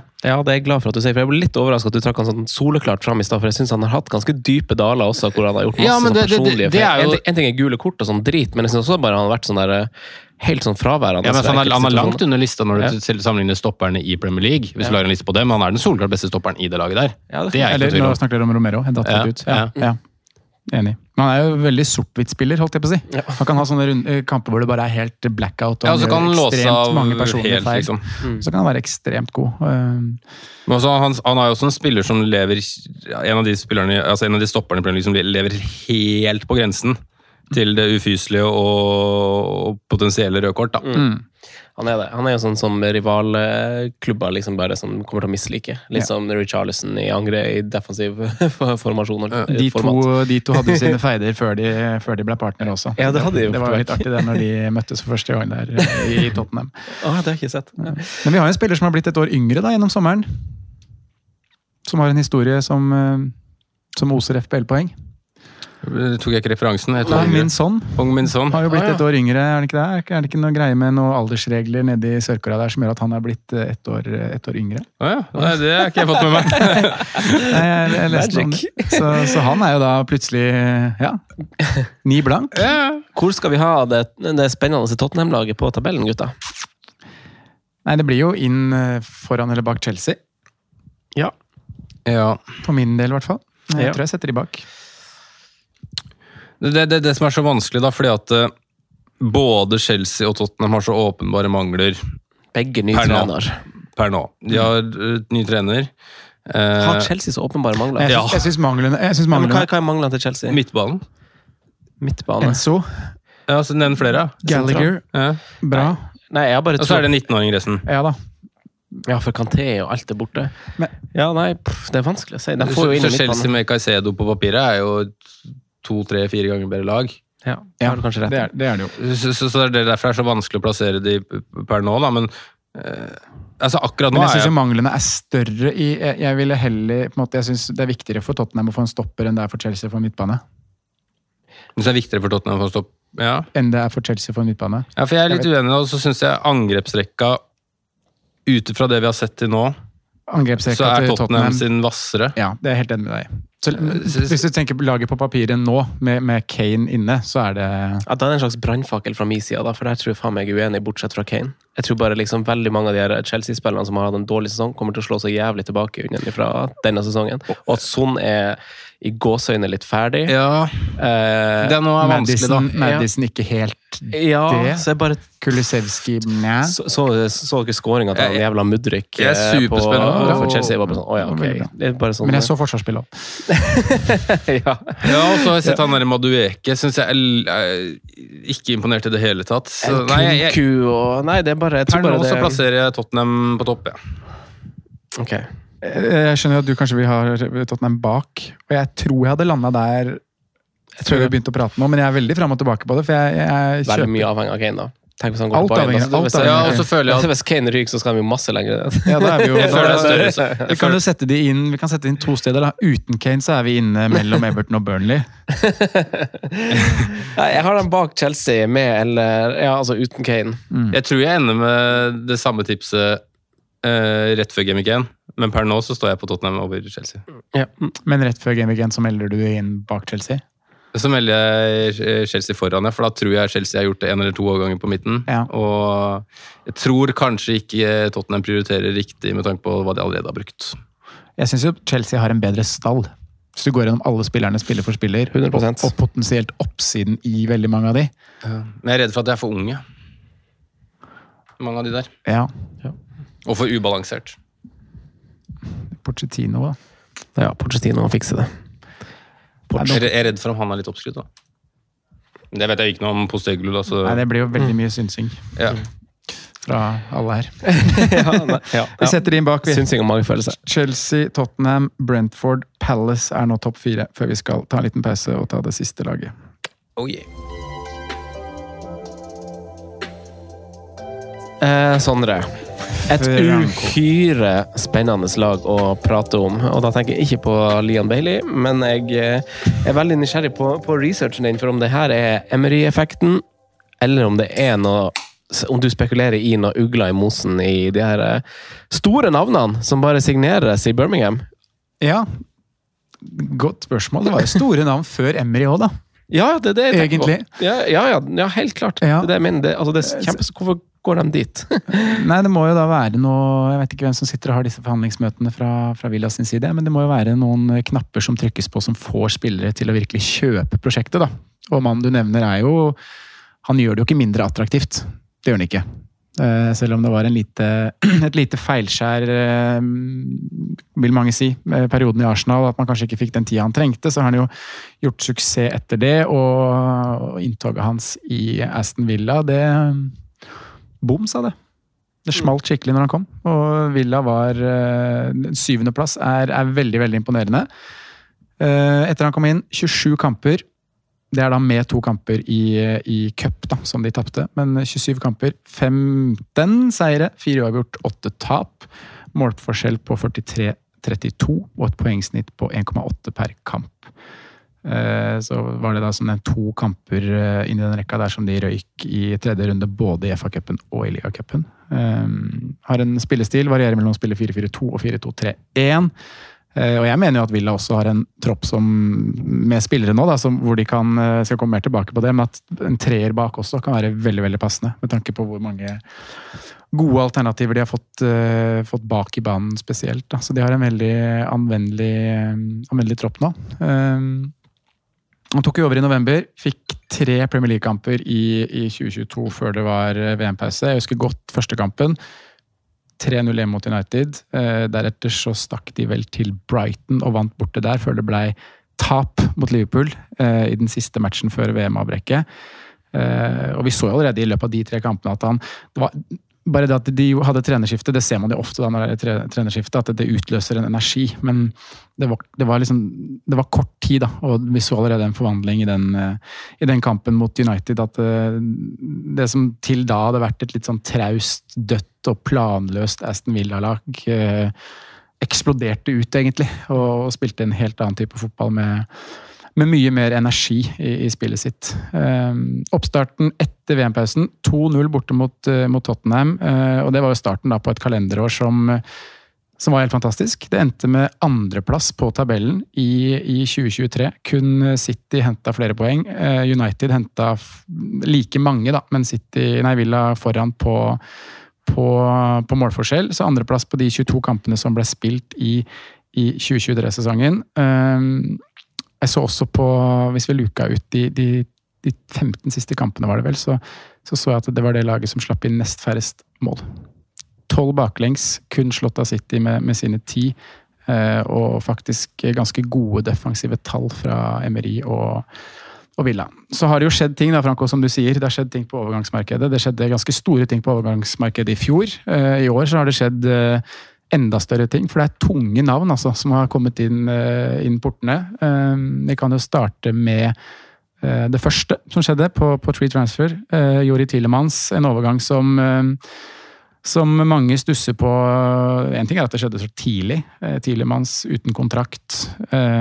Hvorfor venter du ikke lenger? Hvorfor ser du ikke til det større klubber? Men vi har også snakka mye om det at det er et eller annet med han som, som gjør det er noe som skurrer der. Det er et rødt flagg som, som veives rundt han, i og med at det har vært så mye snakk om han i så mange år. Hvorfor har ikke større klubber, topp seks-klubber, hengt seg på? Ehm, Du, du mente du kanskje hadde funnet svaret på det her forrige uke, Simen, hvor, du- hvor du sendte en, en oversikt over eh, minutter spilt eh, A-lagsfotball Mm. gjennom spilleres karriere. Og Jori Tillemans er en som har spilt fast A-lagsfotball fra han var 16 år. Ja, altså Jeg husker ikke akkurat når han starta, men jeg husker i hvert fall han var ekstremt stor på FM. Han var sånn 15-16-17 og begynte vel å spille fast i Belgia allerede da. Anderlecht. Eh, og hvis man liksom skal tro på disse kurvene, da, så har vel han spilt like mye fotball som en 33-åring, vel? 33-åring bør ha spilt. da. Ja. Og han er vel er det 25 han er? 26? Mm.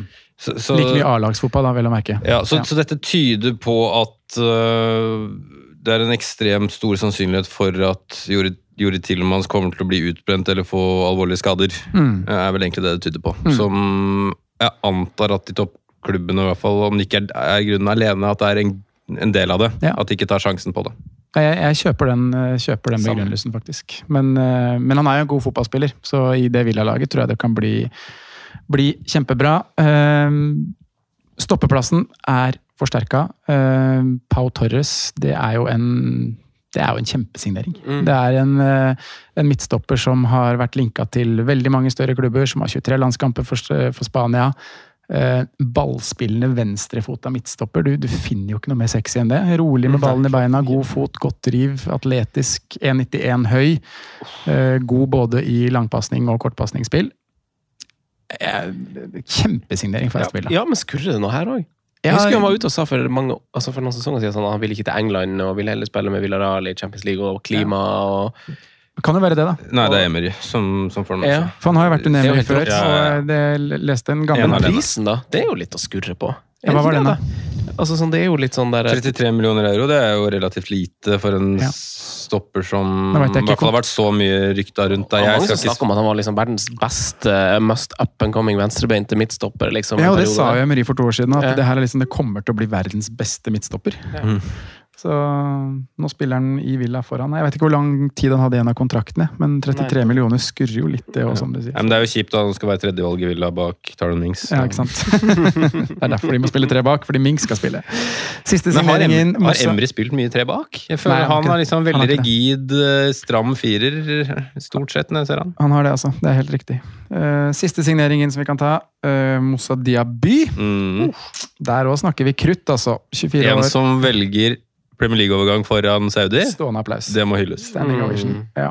Ni skåringer, ni assist i fjor på 33 kamper for Bayern Leverkosen.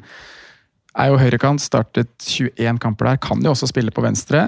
Eh, For de som ikke har sett den, så er det en kjapp, liten, eksplosiv, bra spiller. God med ballen i beina, ganske god avslutter. Bye bye Bailey. Her også. Bye bye Bailey. Først i Leverkosen, og så i Villa. Synd det. Bare, bare ni landskamper for Frankrike sier sitt, men Ja, det vet ikke hva de er. Det gjør det, altså. Ashley Young har gått ut. Everton. uh, Nakamba har gått til Luton. Verdt å nevne, for det kan bli en 4-5-mann som uh, kan være stallfyll i en uh, fancy Premier League-tropp. Mm. Eh, hvis en ser bort fra runde én og fire, så syns jeg at eh, Villa har et veldig fint program ja, fra start. Både sett med offensive og defensive øyne.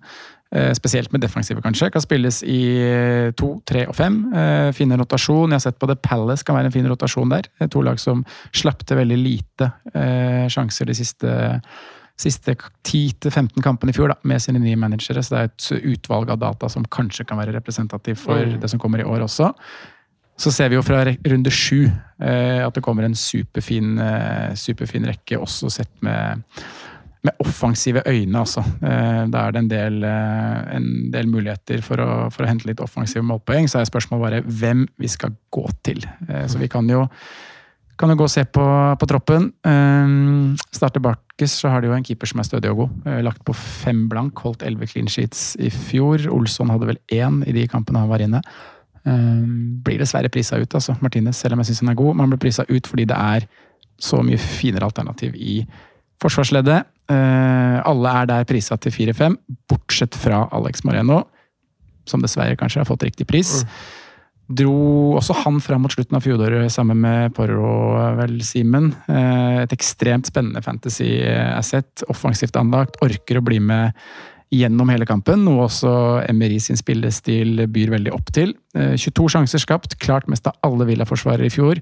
Det kun på 1300 minutter. Skrapte til seg ett per assist. Expected goal involvement på 3,19 på de 1300 minuttene han fikk. Det er ikke veldig høyt, det er nummer 14 eller 15 på lista, eh, men det er høyt med tanke på minutter. Så han og Porro skiller seg veldig ut der, da, eh, på expected goal involvement med tanke på minutter de, de spilte.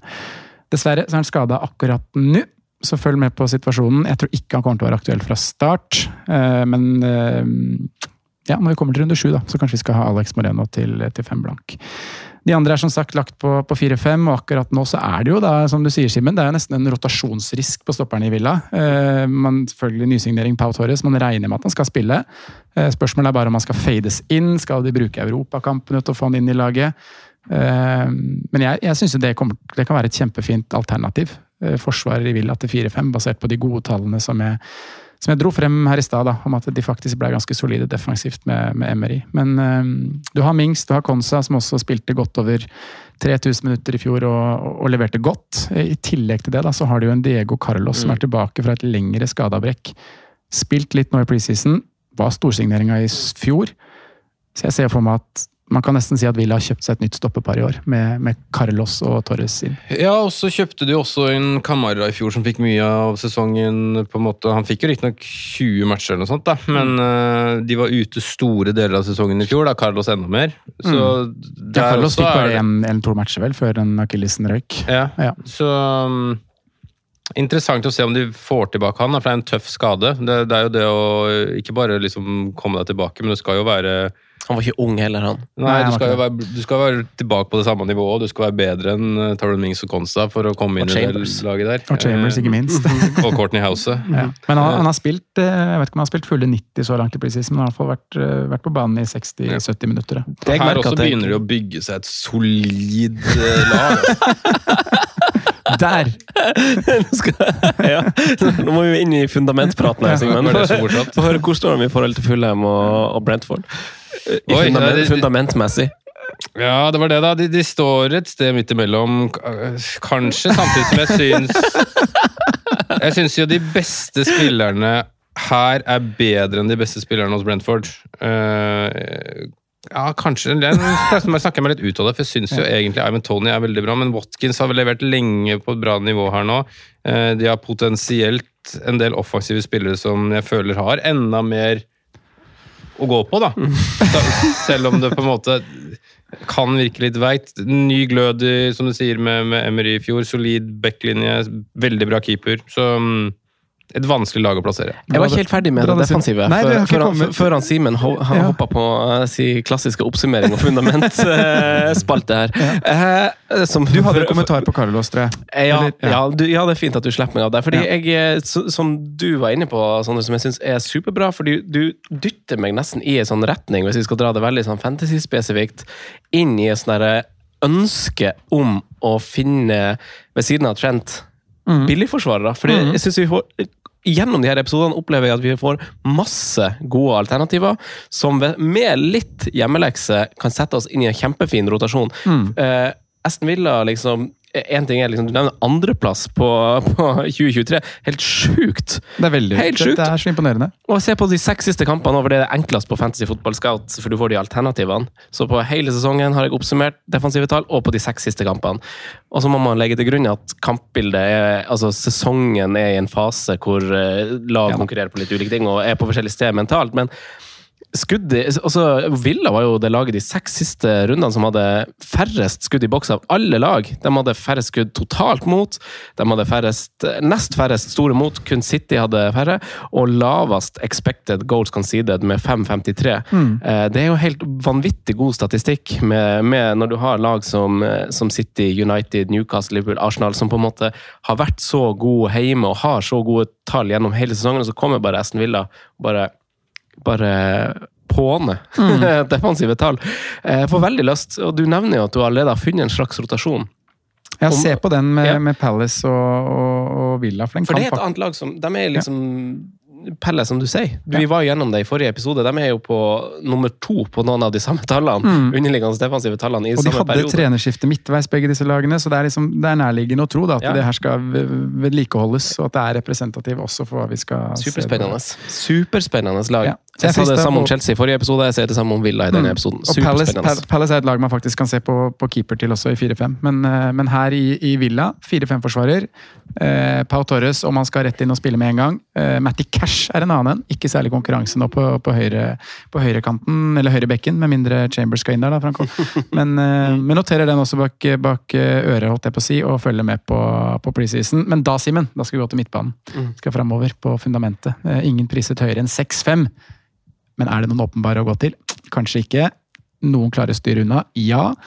Eh, Douglas Louise, den store poengplukkeren i fjor. Seks skåringer og sju assist. Da til prisen av fem. Gikk litt under radaren, Douglas. Eh, Blitt skrudd opp til 5-5 i år. Eh, Spiller jo som en av to sentrale. Tok dødballer, cornere, frispark i skuddposisjon. Får også lov til å fylle på i boksen fra sin sentrale rolle, men likevel så blir det litt sånn nja, til 5-5. Eh, Ganske god prestasjon da, å skåre seks skåringer. Um, ikke en altfor høy XG, 4,8 på XG involvement etter, etter Emery kom inn. Um, Jacob Ramsey, det er en joker for meg i år. Prisa til seks blank. Åtte assist og seks skåringer. Fulgte på en måte opp gjennombruddssesongen sin. Kanskje ikke like dominerende som han til tider var i 21-22-sesongen. Spilte kun 200 minutter mer. Litt ut og inn av laget av ulike, ulike Også årsaker. Emery. Ja. Ja. Eller nei, nei for han, man våkna ordentlig under Emery. Så det er det som er litt interessant. Han hadde Mm. 9 av 14 målpoeng fra mars og inn. Startet kun på kanten etter at Emery kom inn, eh, og jeg er veldig spent på hva han kan eh, Oi. få til. Joker på, på venstrekant. Han spilte mest venstrekant, men bare det at han hadde 9 av 14 målpoeng fra, fra mars og inn, syns jeg eh, ja, Det tirrer meg, da. Det er sånn jeg syns er interessant. Så Jacob Ramsey til seks blankt syns jeg kan være en joker. Eh, Buendia, også prisa til seks. Eh, 2400 minutter, fem skåringer og tre assist. Hadde vel to skåringer i en treningskamp mot Newcastle som gikk i går, eller i natt, eller hvordan det var. Eh, noe tier, noe kant, noe en av to spisser. Er en spiller som blir litt offer på at han blir flytta litt rundt. Eh, men til tider så er han jo ekstremt god. Eh, uten tvil en nytelse å se på. Variert litt i liksom sluttprodukt, kan man vel si. Men eh, absolutt en å, å følge med på. Så blir det spennende å se pris på Diaby, for den har vi vel enda ikke fått? Eller har vi det? Kan sjekke mens du snakker. Ja, eh, for det er jo en spennende spiller som skal inn på, på høyrekanten der, hvor, og Bailey var fjorårets uh, kvise, altså til, til fem blank. Nå prissatt til 5-5. Um, ehm, klarte aldri å leve opp til det klarte aldri å leve opp til den hypen han hadde på venstrekanten der. Um, en del andre midtbanespillere som også kommer til å Sentrale posisjonen blir jo veldig spennende. da. Du har McInn, du har Tilemans, du har Kamara. Uh, spillere som, eller, som du dro opp der, eh, Simen. I tillegg så har man jo også en Cotinge som fortsatt er i klubben. Mm. Koster seks millioner. Mm. Um, du, han ble lansert for 23 minutter siden. Uh, Diaby. 6,5. Ja. Oi. Jeg har ikke refresha på siste kvarter og så får du ikke med deg ja, Nei, det er bare price-revealen som er kommet ah. fra klubbens side, faktisk. Hva tenker du om den? 6-5? Nei, det er jo spennende, men når du mm. har uh, Jacob, Jacob til 6 også, det er kjempespennende. Jeg synes det er kjempefint, det. Men Diaby også, det, det, kan være sexy. Mannen som var mest populær fra Villa i fjor, var uten tvil Ollie Watkins. Eh, endte med 13 skåringer. Eh, våknet jo så til de grader under Emery, og var jo en som hadde en ordentlig streak-periode der, hvor han, eh, hvor han bare bøtta inn. Fått en rettferdig høyrepris nå på åtte blank. Vi skal nok dit i løpet av sesongen. Jeg tror fort vekk det, altså. Om det ikke er fra start, så tror jeg vi skal dit i løpet av sesongen. Ja, bra. Fyr løs, tilføy om det Nei, er noe. nei, jeg har ikke noe å tilføye. Jeg syns Et, bare det er veldig spennende. 4-5-spiss kan være aktuelt, faktisk. Jeg tror, jeg tror den beste 4-5-spissen er i Villa, basert på det jeg leser på Twitter. Med tanke på europakjør og hvordan han leverte på lån i fjor, så, ja. så kan vel han være en som kan få litt minutter her og der. Er han Men, Archer som var med i uh, U-mesterskapet? ja, men vi skal vel fort vekk fylle kvota med Villa, så vi kan jo ikke ha en 4-5-spiss derfra. Nei, det blir han der Coley Woodrow fra, fra Luton som blir det. Det skal bli noe utlån der.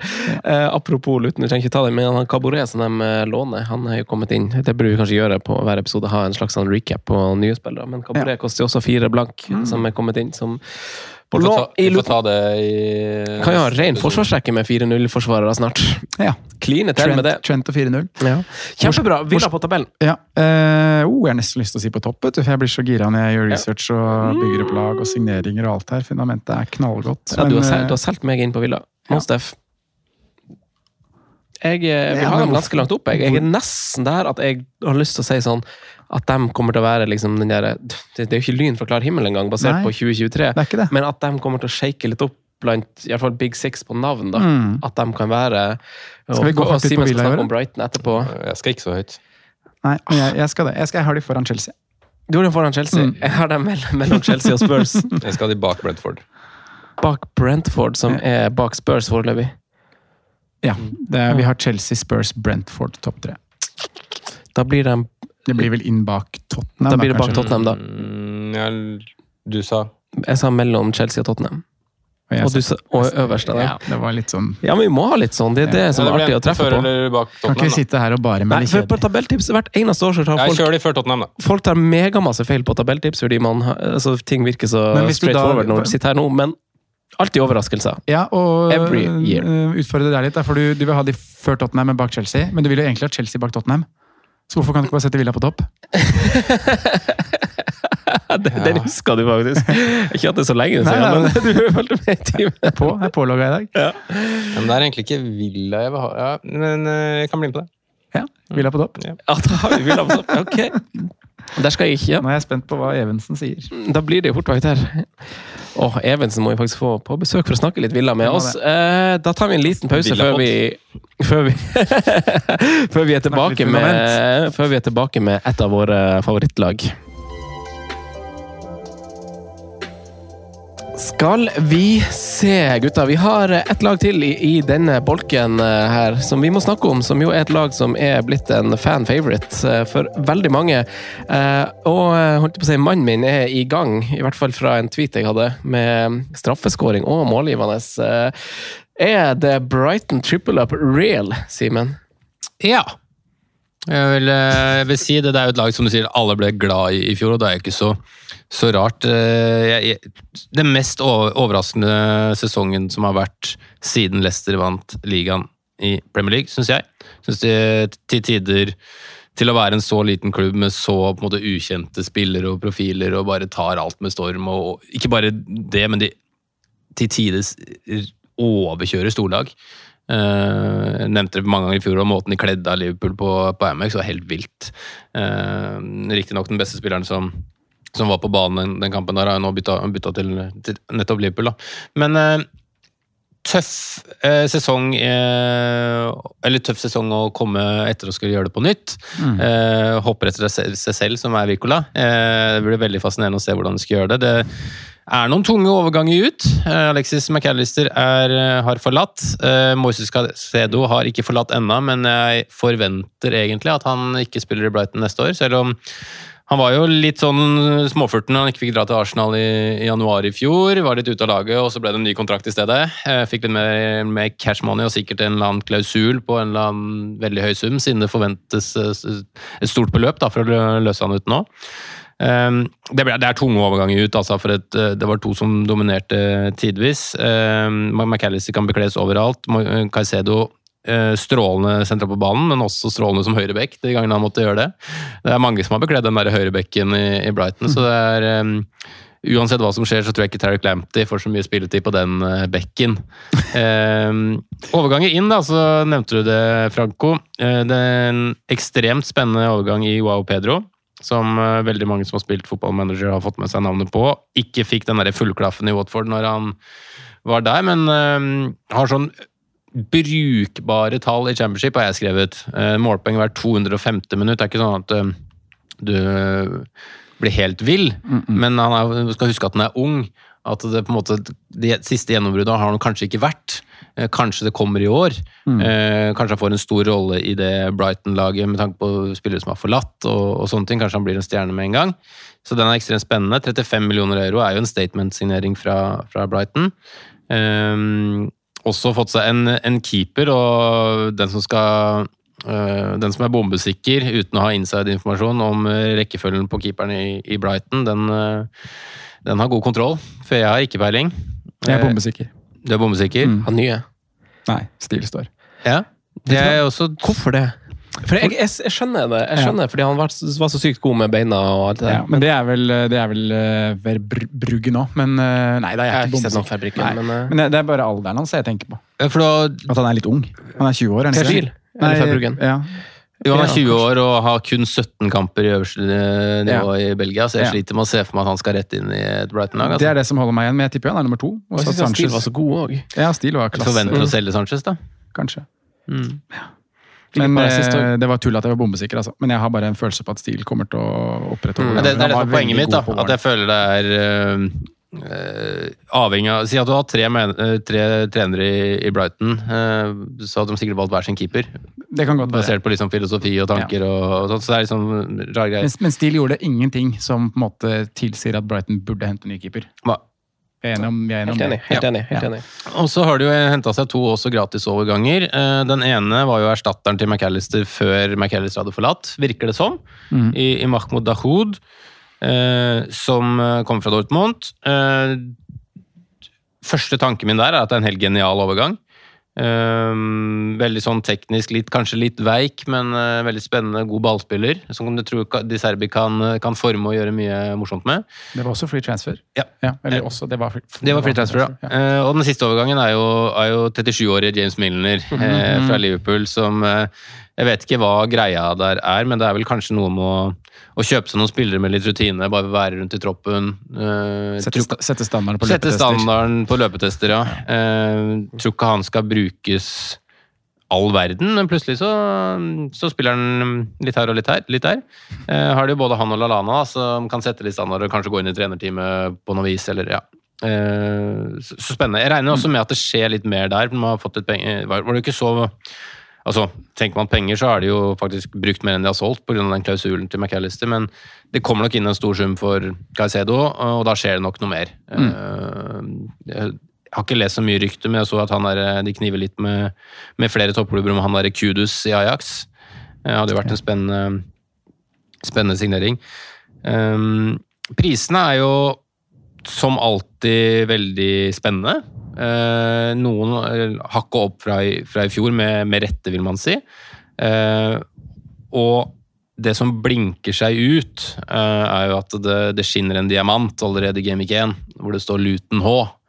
eh, som jeg tror veldig mange er frista til å få en god start. Helt enig. Jeg har hatt minst to i alle mine drafts. Mm. Det har jeg òg. Mitoma har faktisk vært i alle, ja, på bakgrunn av uh, at jeg missa out i fjor og så hvordan det der så ut fra sidelinja. Det var ikke noe kult. Eh, og bare det at han uh, Han var liksom litt sånn statistisk var han litt bak de andre, og, men han besto på en måte synsundersøkelsen. Mm. Men statistisk var han bak veldig mange andre, som gjorde at mange valgte March McAllister i stedet. Uh, og så ser man jo at det er jo Når han ble jo assistert av Steele òg et par ganger, at liksom gode spillere får poeng. Vi kommer tilbake til det. Og, men mot slutten av sesongen så spilte han seg opp også statistisk, og er jo på tampen av sesongen så er han jo den også statistisk beste spilleren eh, ved siden av Evan Ferguson, kanskje. eller på en måte, men så eh, Han har vært i alle mine drafts, og så er det jo Pervis også bak, da, som jeg har endra fra første draft, føler må med på bakgrunn av hvem Brighton møter, og hans offensive tall, som har endra meg fra keepertanken i Brighton. Og så jeg, vurderer jeg jo en spiss òg. Både Ja, ja, Evan. Ferguson og Joao Pedro er Ja. høyaktuell. Pervis ble jo på en måte bare bedre og bedre utover sesongen i fjor. følte Ja, fantastisk god. Og mot slutten så var han jo. Estupinian, for de som måtte lure. Ja, han har stått i alle mine drafts. Ja. Så, men jeg vil, jeg, som du sier da, Mitoma har også vært inne øh, mye her, og jeg vil egentlig på en til. Altså, for, for hvis du ser på tenk, Brighton, det laget som skårte fjerde flest mål i fjor. City, Arsenal og Liverpool skårte mer. Eh, så har vi Brighton med 72. De skapte flest sjanser av alle lag. De hadde flest skuddforsøk av alle lag. Tenk at det Så, kommer ko- hit. så koster liksom dyreste spilleren seks og en halv. Mm. Og jeg tror ikke at det kommer til å bli noe mindre neste år. Det er en De Serbi som tok over i fjor, og som bare utvikler spillestilen sin. og Vi så det mot eh, Eller de som har sett highlights og så litt på den Chelsea-kampen de hadde nå i, i preseason, så er vi jo mm, det bare videreutvikles og videreutvikles, altså. Med frispilling bak og setter opp bokser sentralt og stoppere som drar med ball fram. Og det er så Det må vi også ha i bakhodet. De skårer jo to mål med ti mann, da. Ja. Faktisk. For da er jo van Hekke han er jo, han er jo eh, hodeløs og der er treningskampoppførsel. Men eh, sånn er det når, når du er kanskje litt ung og dum. Jeg husker ikke hvilken match det var i, det var i fjor, men han klarte jo han, Ja, det var van Hekke, det òg. ja, han klarte jo ikke å flytte seg og flytte Ja. beina. Han var helt, eh, helt ferdig, stakkar, mot, eh, mot slutten av fjorårssesongen. Men Men Men spissene, da, Franco, du nevner jo to av de der. i, eh, Du nevner vel faktisk tre av de, kanskje. Du sa i hvert fall Ferguson og Jao Pedro, som koster henholdsvis 6 og 5-5. Eh, man skal jo ikke glemme Welbeck heller. Kommer til å ta, spille masse. Kommer til å få mye minutter og starta nå i preseason. Seks skåringer, fem assist i fjor. Eh, vi har en Undav til 5-5 som også gjorde sakene sine veldig bra avslutningsvis i fjor. Altså. Så det jeg frykter med den spissplassen, er jo at det kommer til å bli en del rotasjon. Mm. Og nå skal Brighton også så ut i et europakjør Europa ja. Europa som de kommer til å prioritere. Det er første gang Brighton spiller i Europa. Mm. Selvfølgelig kommer det til å være en, eh, en prioritert uh, turnering for de. Så um, Og de har, de, har ikke, de har jo på en måte mange navn, og, og sånn, men de har jo ikke sånn voldsom bredde i den forstand at de kan jo ikke sende et B-lag til, til Europa, som du sier. Med at det er de første gangen de er der. Så klart de skal dit og vise seg fram. Mm. For et publikum som aldri har sett europafotball. De skal jo sende det opp, opp imot det beste laget sitt. de. det skal det. Men det er mange jevne spillere, da. Så Ja. det er det som på en måte Det- det Hva er B-lag, hva er A-lag? Det blir rotasjon, og det blir Ja. litt forstyrrelser som kanskje går, ut for, går utover oss Premier League-managere. Mm. Eh, og så er det noen spillere som må på en måte steppe litt eh, opp, eller ta de plassene som blir, blir forlatt. Da. Mm. Og en som også er veldig spennende, som er liksom ikke glemt. da. Han er jo nevnt av veldig mange fordi han har en veldig fin pris.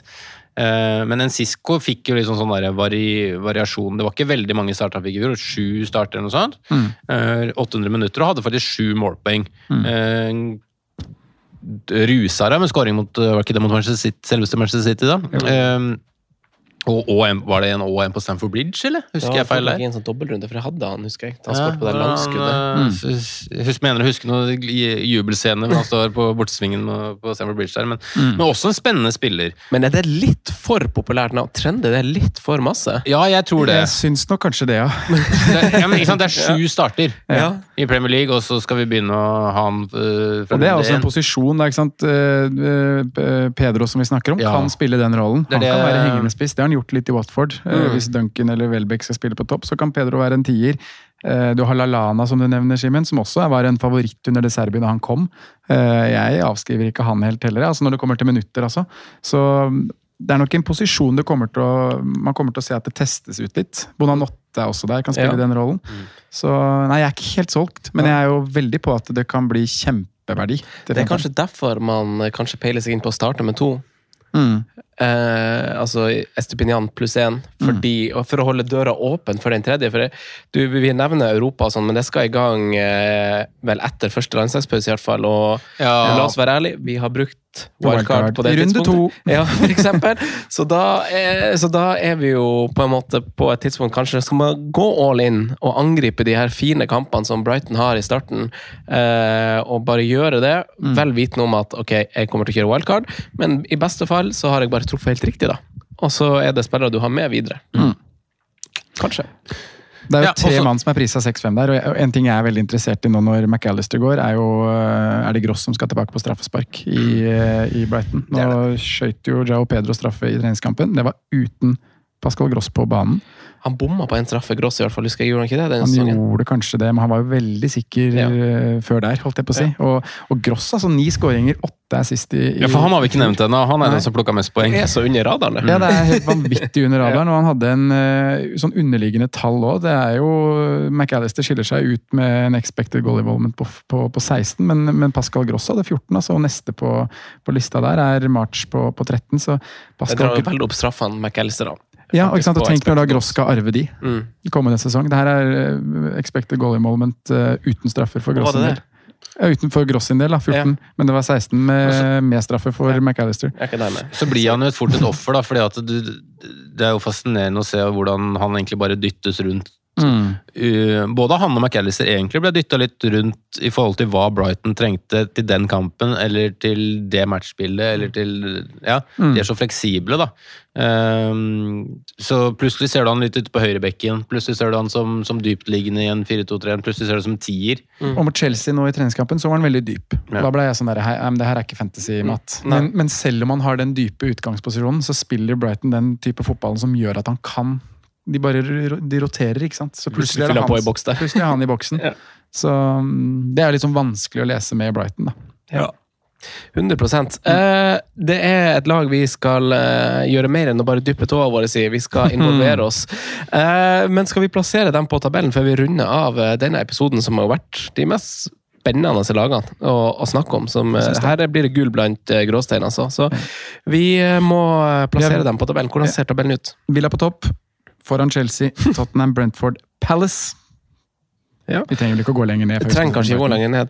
Eh, Brighton i år, med, del, med del Europa. Ja, med Europa. Jeg Altså, syns det er vanskelig, altså. Og har så lyst til å være positiv. enig. Uh, Og er jo så solgt på, på Di Serbi og Ja, ja, ja. alt som gjøres der. Men um, Han må jo være en av de, om ikke den, mest spennende. Uh, Mm. Fremadstormende treneren som på en måte har poppet ut fra intet. Altså, fortsatt så er jo Guardiola alle i gjengen der, men det er ikke så spennende her. Altså. Mm. jeg har de bak Chelsea. Inn mellom Chelsea og Tottenham. inn mellom Chelsea, så over Tottenham.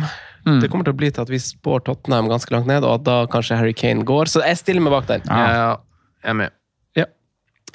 Fin. Med det så runder vi av eh, denne episoden. Og Etter vi har valgt spillere. Etter vi har Vi flater det er så bra med et så bra panel som bare husker når man sklir av gårde og gleder seg til neste innspill. Ja, ja. Så, ære til Sondre. Vi må velge spillere. Keeper. Keeper blant disse uh, lagene her. Mm. uh, de, de to mest interessante lagene er jo litt usikre på keeperplassen. Ja, det er sånn, Får man flekken til 4-5, så er det jo no-brainer. Mm. I mine øyne. Most def. Så jeg tror nesten jeg går for det, altså. Ja. Jeg tror nesten jeg går for det. Men som du sa da du var inne på det, Tottenham og United som han var linka til mest De- ja. det har, det liksom, de, har, jo- de har løst de har kjøpt nye keepere. Mm. Uh, hvem skal Raja liksom gå til? Det keeper, den keepertrioen som Brentford har nå, er bra, altså. Mm. Raja, Flekken, Strakosha. Strakosha er også Han er Lazio, Han ble henta i fjor, han. Det, tenk han eh, gikk fra fast plass i Lazio og Champions League-spill Mm. til tredjekeeper i Brentford. ja. Eh, du vet hva, jeg følger Jeg tar rygg på flekken. Simen. Martinez. Ja, fin. Eh, han koster fem, sant? Han koster fem. Ja, Det er jo egentlig et veldig veldig bra valg. Forsvar. Hmm. Der syns jeg vi har veldig mange fine alternativer her. og Vi, kan nesten, vi kunne nesten hatt litt sånn i ulik 1-4-5, 1-5. Ja. Fordi det er vanskelig å Eller litt sånn uve- u, u, avhengig av hvordan du skal bygge opp laget ditt. da. Men på fem blank-kategorien så er det jo to som skiller seg klart ut for min del. I Porro og Moreno. Ja, oh ja. For jeg, jeg er jo klink på Estepinian. Jeg er ganske klink på Estepinian Ja, sorry. Også han, selvfølgelig. Ja. Tre som skiller seg klart Ja. ut. Uh, Estepidan har jeg hatt i alle draft, så han er så satt, egentlig. At det er Mm. sikkert derfor jeg glemmer han. Men uh, Ja, ja Det også. Estepinian, eh, Ja, jeg er gira på Matty Cash, jeg. ja. mm, Men, men han var litt ut og inn av laget i fjor, var han ikke det? Under Emery. Kan det stemme? Eller tar jeg feil, da?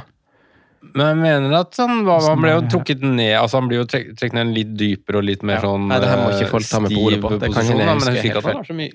var Kan- hende jeg husker helt feil. Spilte Ashley Young litt, kanskje? Ja, var det jeg skulle ut og Ja, sjekke jeg lurer på om det ikke var han heller. Altså. Men uh, det kan hende jeg tar helt feil på den. Uh, Nei, det er mulig, det er rett. men uh, Flere har rett, du. ja, ikke alltid. Estepinian uh, her. Uh, Midtbanemann, uh, gutta. Der er det Mm. straks er et Han var ute med skade fra runde 29 til 35. Han var ute med skade, da, ja. Okay. ja. Så før det så var det ganske greit med minutter. Ja, men før det var det masse Stevie G. Mm. ja, eller han fikk jo han, han, det, han spilte den første perioden under Emery ganske fast. Ok, ja, bra. Eh, midtbanespiller. Der har vi jo, i hvert fall når vi plutselig har Tottenham inn i miksen der, så er det jo Det er jo litt dyre spillere. Ja, det er jo litt sånn spekter der også. Man må jo bare liksom bedømme valget sitt. Ja. I den bolken her er det så mye spillere som jeg Ja, liksom er så fristende, som jeg ikke kommer til å tørre å gå. Men sånn, for å nevne de som jeg ikke kommer til å tørre å gå, så er det tre i Tottenham. Son, Madison og Kulisevskij. Jeg syns alle er superfint prisa, Mm. med tanke på deres tak. Ja. ja, ja Men jeg tror ikke jeg kommer til å tørre å ha med tror ikke jeg kommer til å tørre å ha med noen av de fra, fra starten av. Nei, ikke heller. Uh, Ramsey, som jeg nevnte, syns jeg er superfin. Pascal Mm. Gross er superfin. Men det heller jo, det heller jo liksom ned til at man står mellom uh, Mbuemo og Mitoma når man skal velge. Ja. Fra, fra start så er jeg klink på Mitoma. Fakt, hvis jeg skal være bastant. Mm. Ja, det liker du ikke. veldig sannsynlig at jeg, bruker, jeg har MBUMO også. Mm. Uh, men jeg ser Mitoma som, som mitt valg. Mitoma, og så går du til Mbuemo runde to. Høres ut som en plan. Planlagt bytte etter én runde. Um, Tar jeg Mbuemo, jeg, da. ja, jeg blir med på Mbuemo. òg, Mm. Ja, fine valg. På Ja, det det. topp eh, med Hurricane Katrina der, så er det ganske åpenbart, men gitt at han forlater Ja, da åpner det seg. Den er fin. mm, Carlos Venicius der, er vi det dit vi skal? Jeg skal faktisk til Vissa, jeg, da. Ja. Jeg skal til Watkins. Steady Eddie. Du skal til Orly Watkins, Vissa ah, Ja, det er jo eh, gode valg, begge to, altså. Nei, jeg må jo si Joao Pedro, da. Må stå for, eh, stå for egne tweets. Eh, veldig bra! Da, Sondre, er det ikke noe jeg har glemt. Nei, da tror jeg vi er der. Da er vi der. Ja. Da runder vi av, og så skal vi trykke rec på neste episode aldeles straks. Takk for at dere følger med på Fantasyrådet. Ha det bra.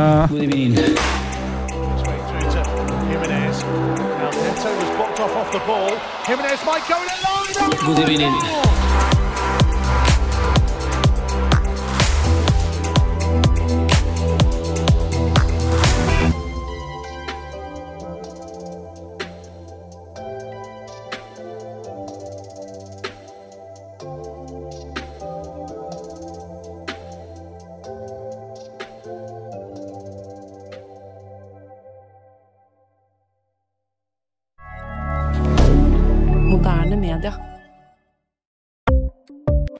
Ukens annonsør er Folio, en smartere banktjeneste for deg som har en egen bedrift eller ønsker å starte for deg selv. Folio er en superenkel nettbank for bedrifter. Som kunde i Folio får du en bedriftskonto med et bedriftskort og app. I denne appen er det smarte løsninger som forenkler regnskapet ditt, uansett om du har en liten bedrift eller et enkeltpersonsforetak. Folio er både intuitivt og brukervennlig, og er laget med et enkelt språk. I tillegg tilbyr de forutsigbare priser og ingen skjulte gebyrer. Skulle du likevel trenge det, så kan du snakke med deres raske og hyggelige kundeservice, og der får du prate med en faktisk person og ikke en chatbot. Folio er med andre ord både enklere og koseligere enn banken. Over 10 000 bedrifter har allerede valgt Folio som sin banktjeneste, så besøk folio.no og se hvordan Folio kan forenkle din hverdag også. Har du et enkeltpersonforetak eller en liten bedrift? Da er du sikkert lei av å høre meg snakke om hvor enkelt det er med kvitteringer og bilag i fiken, så vi eh, gir oss her, vi. Fordi vi liker enkelt. Fiken superenkelt regnskap.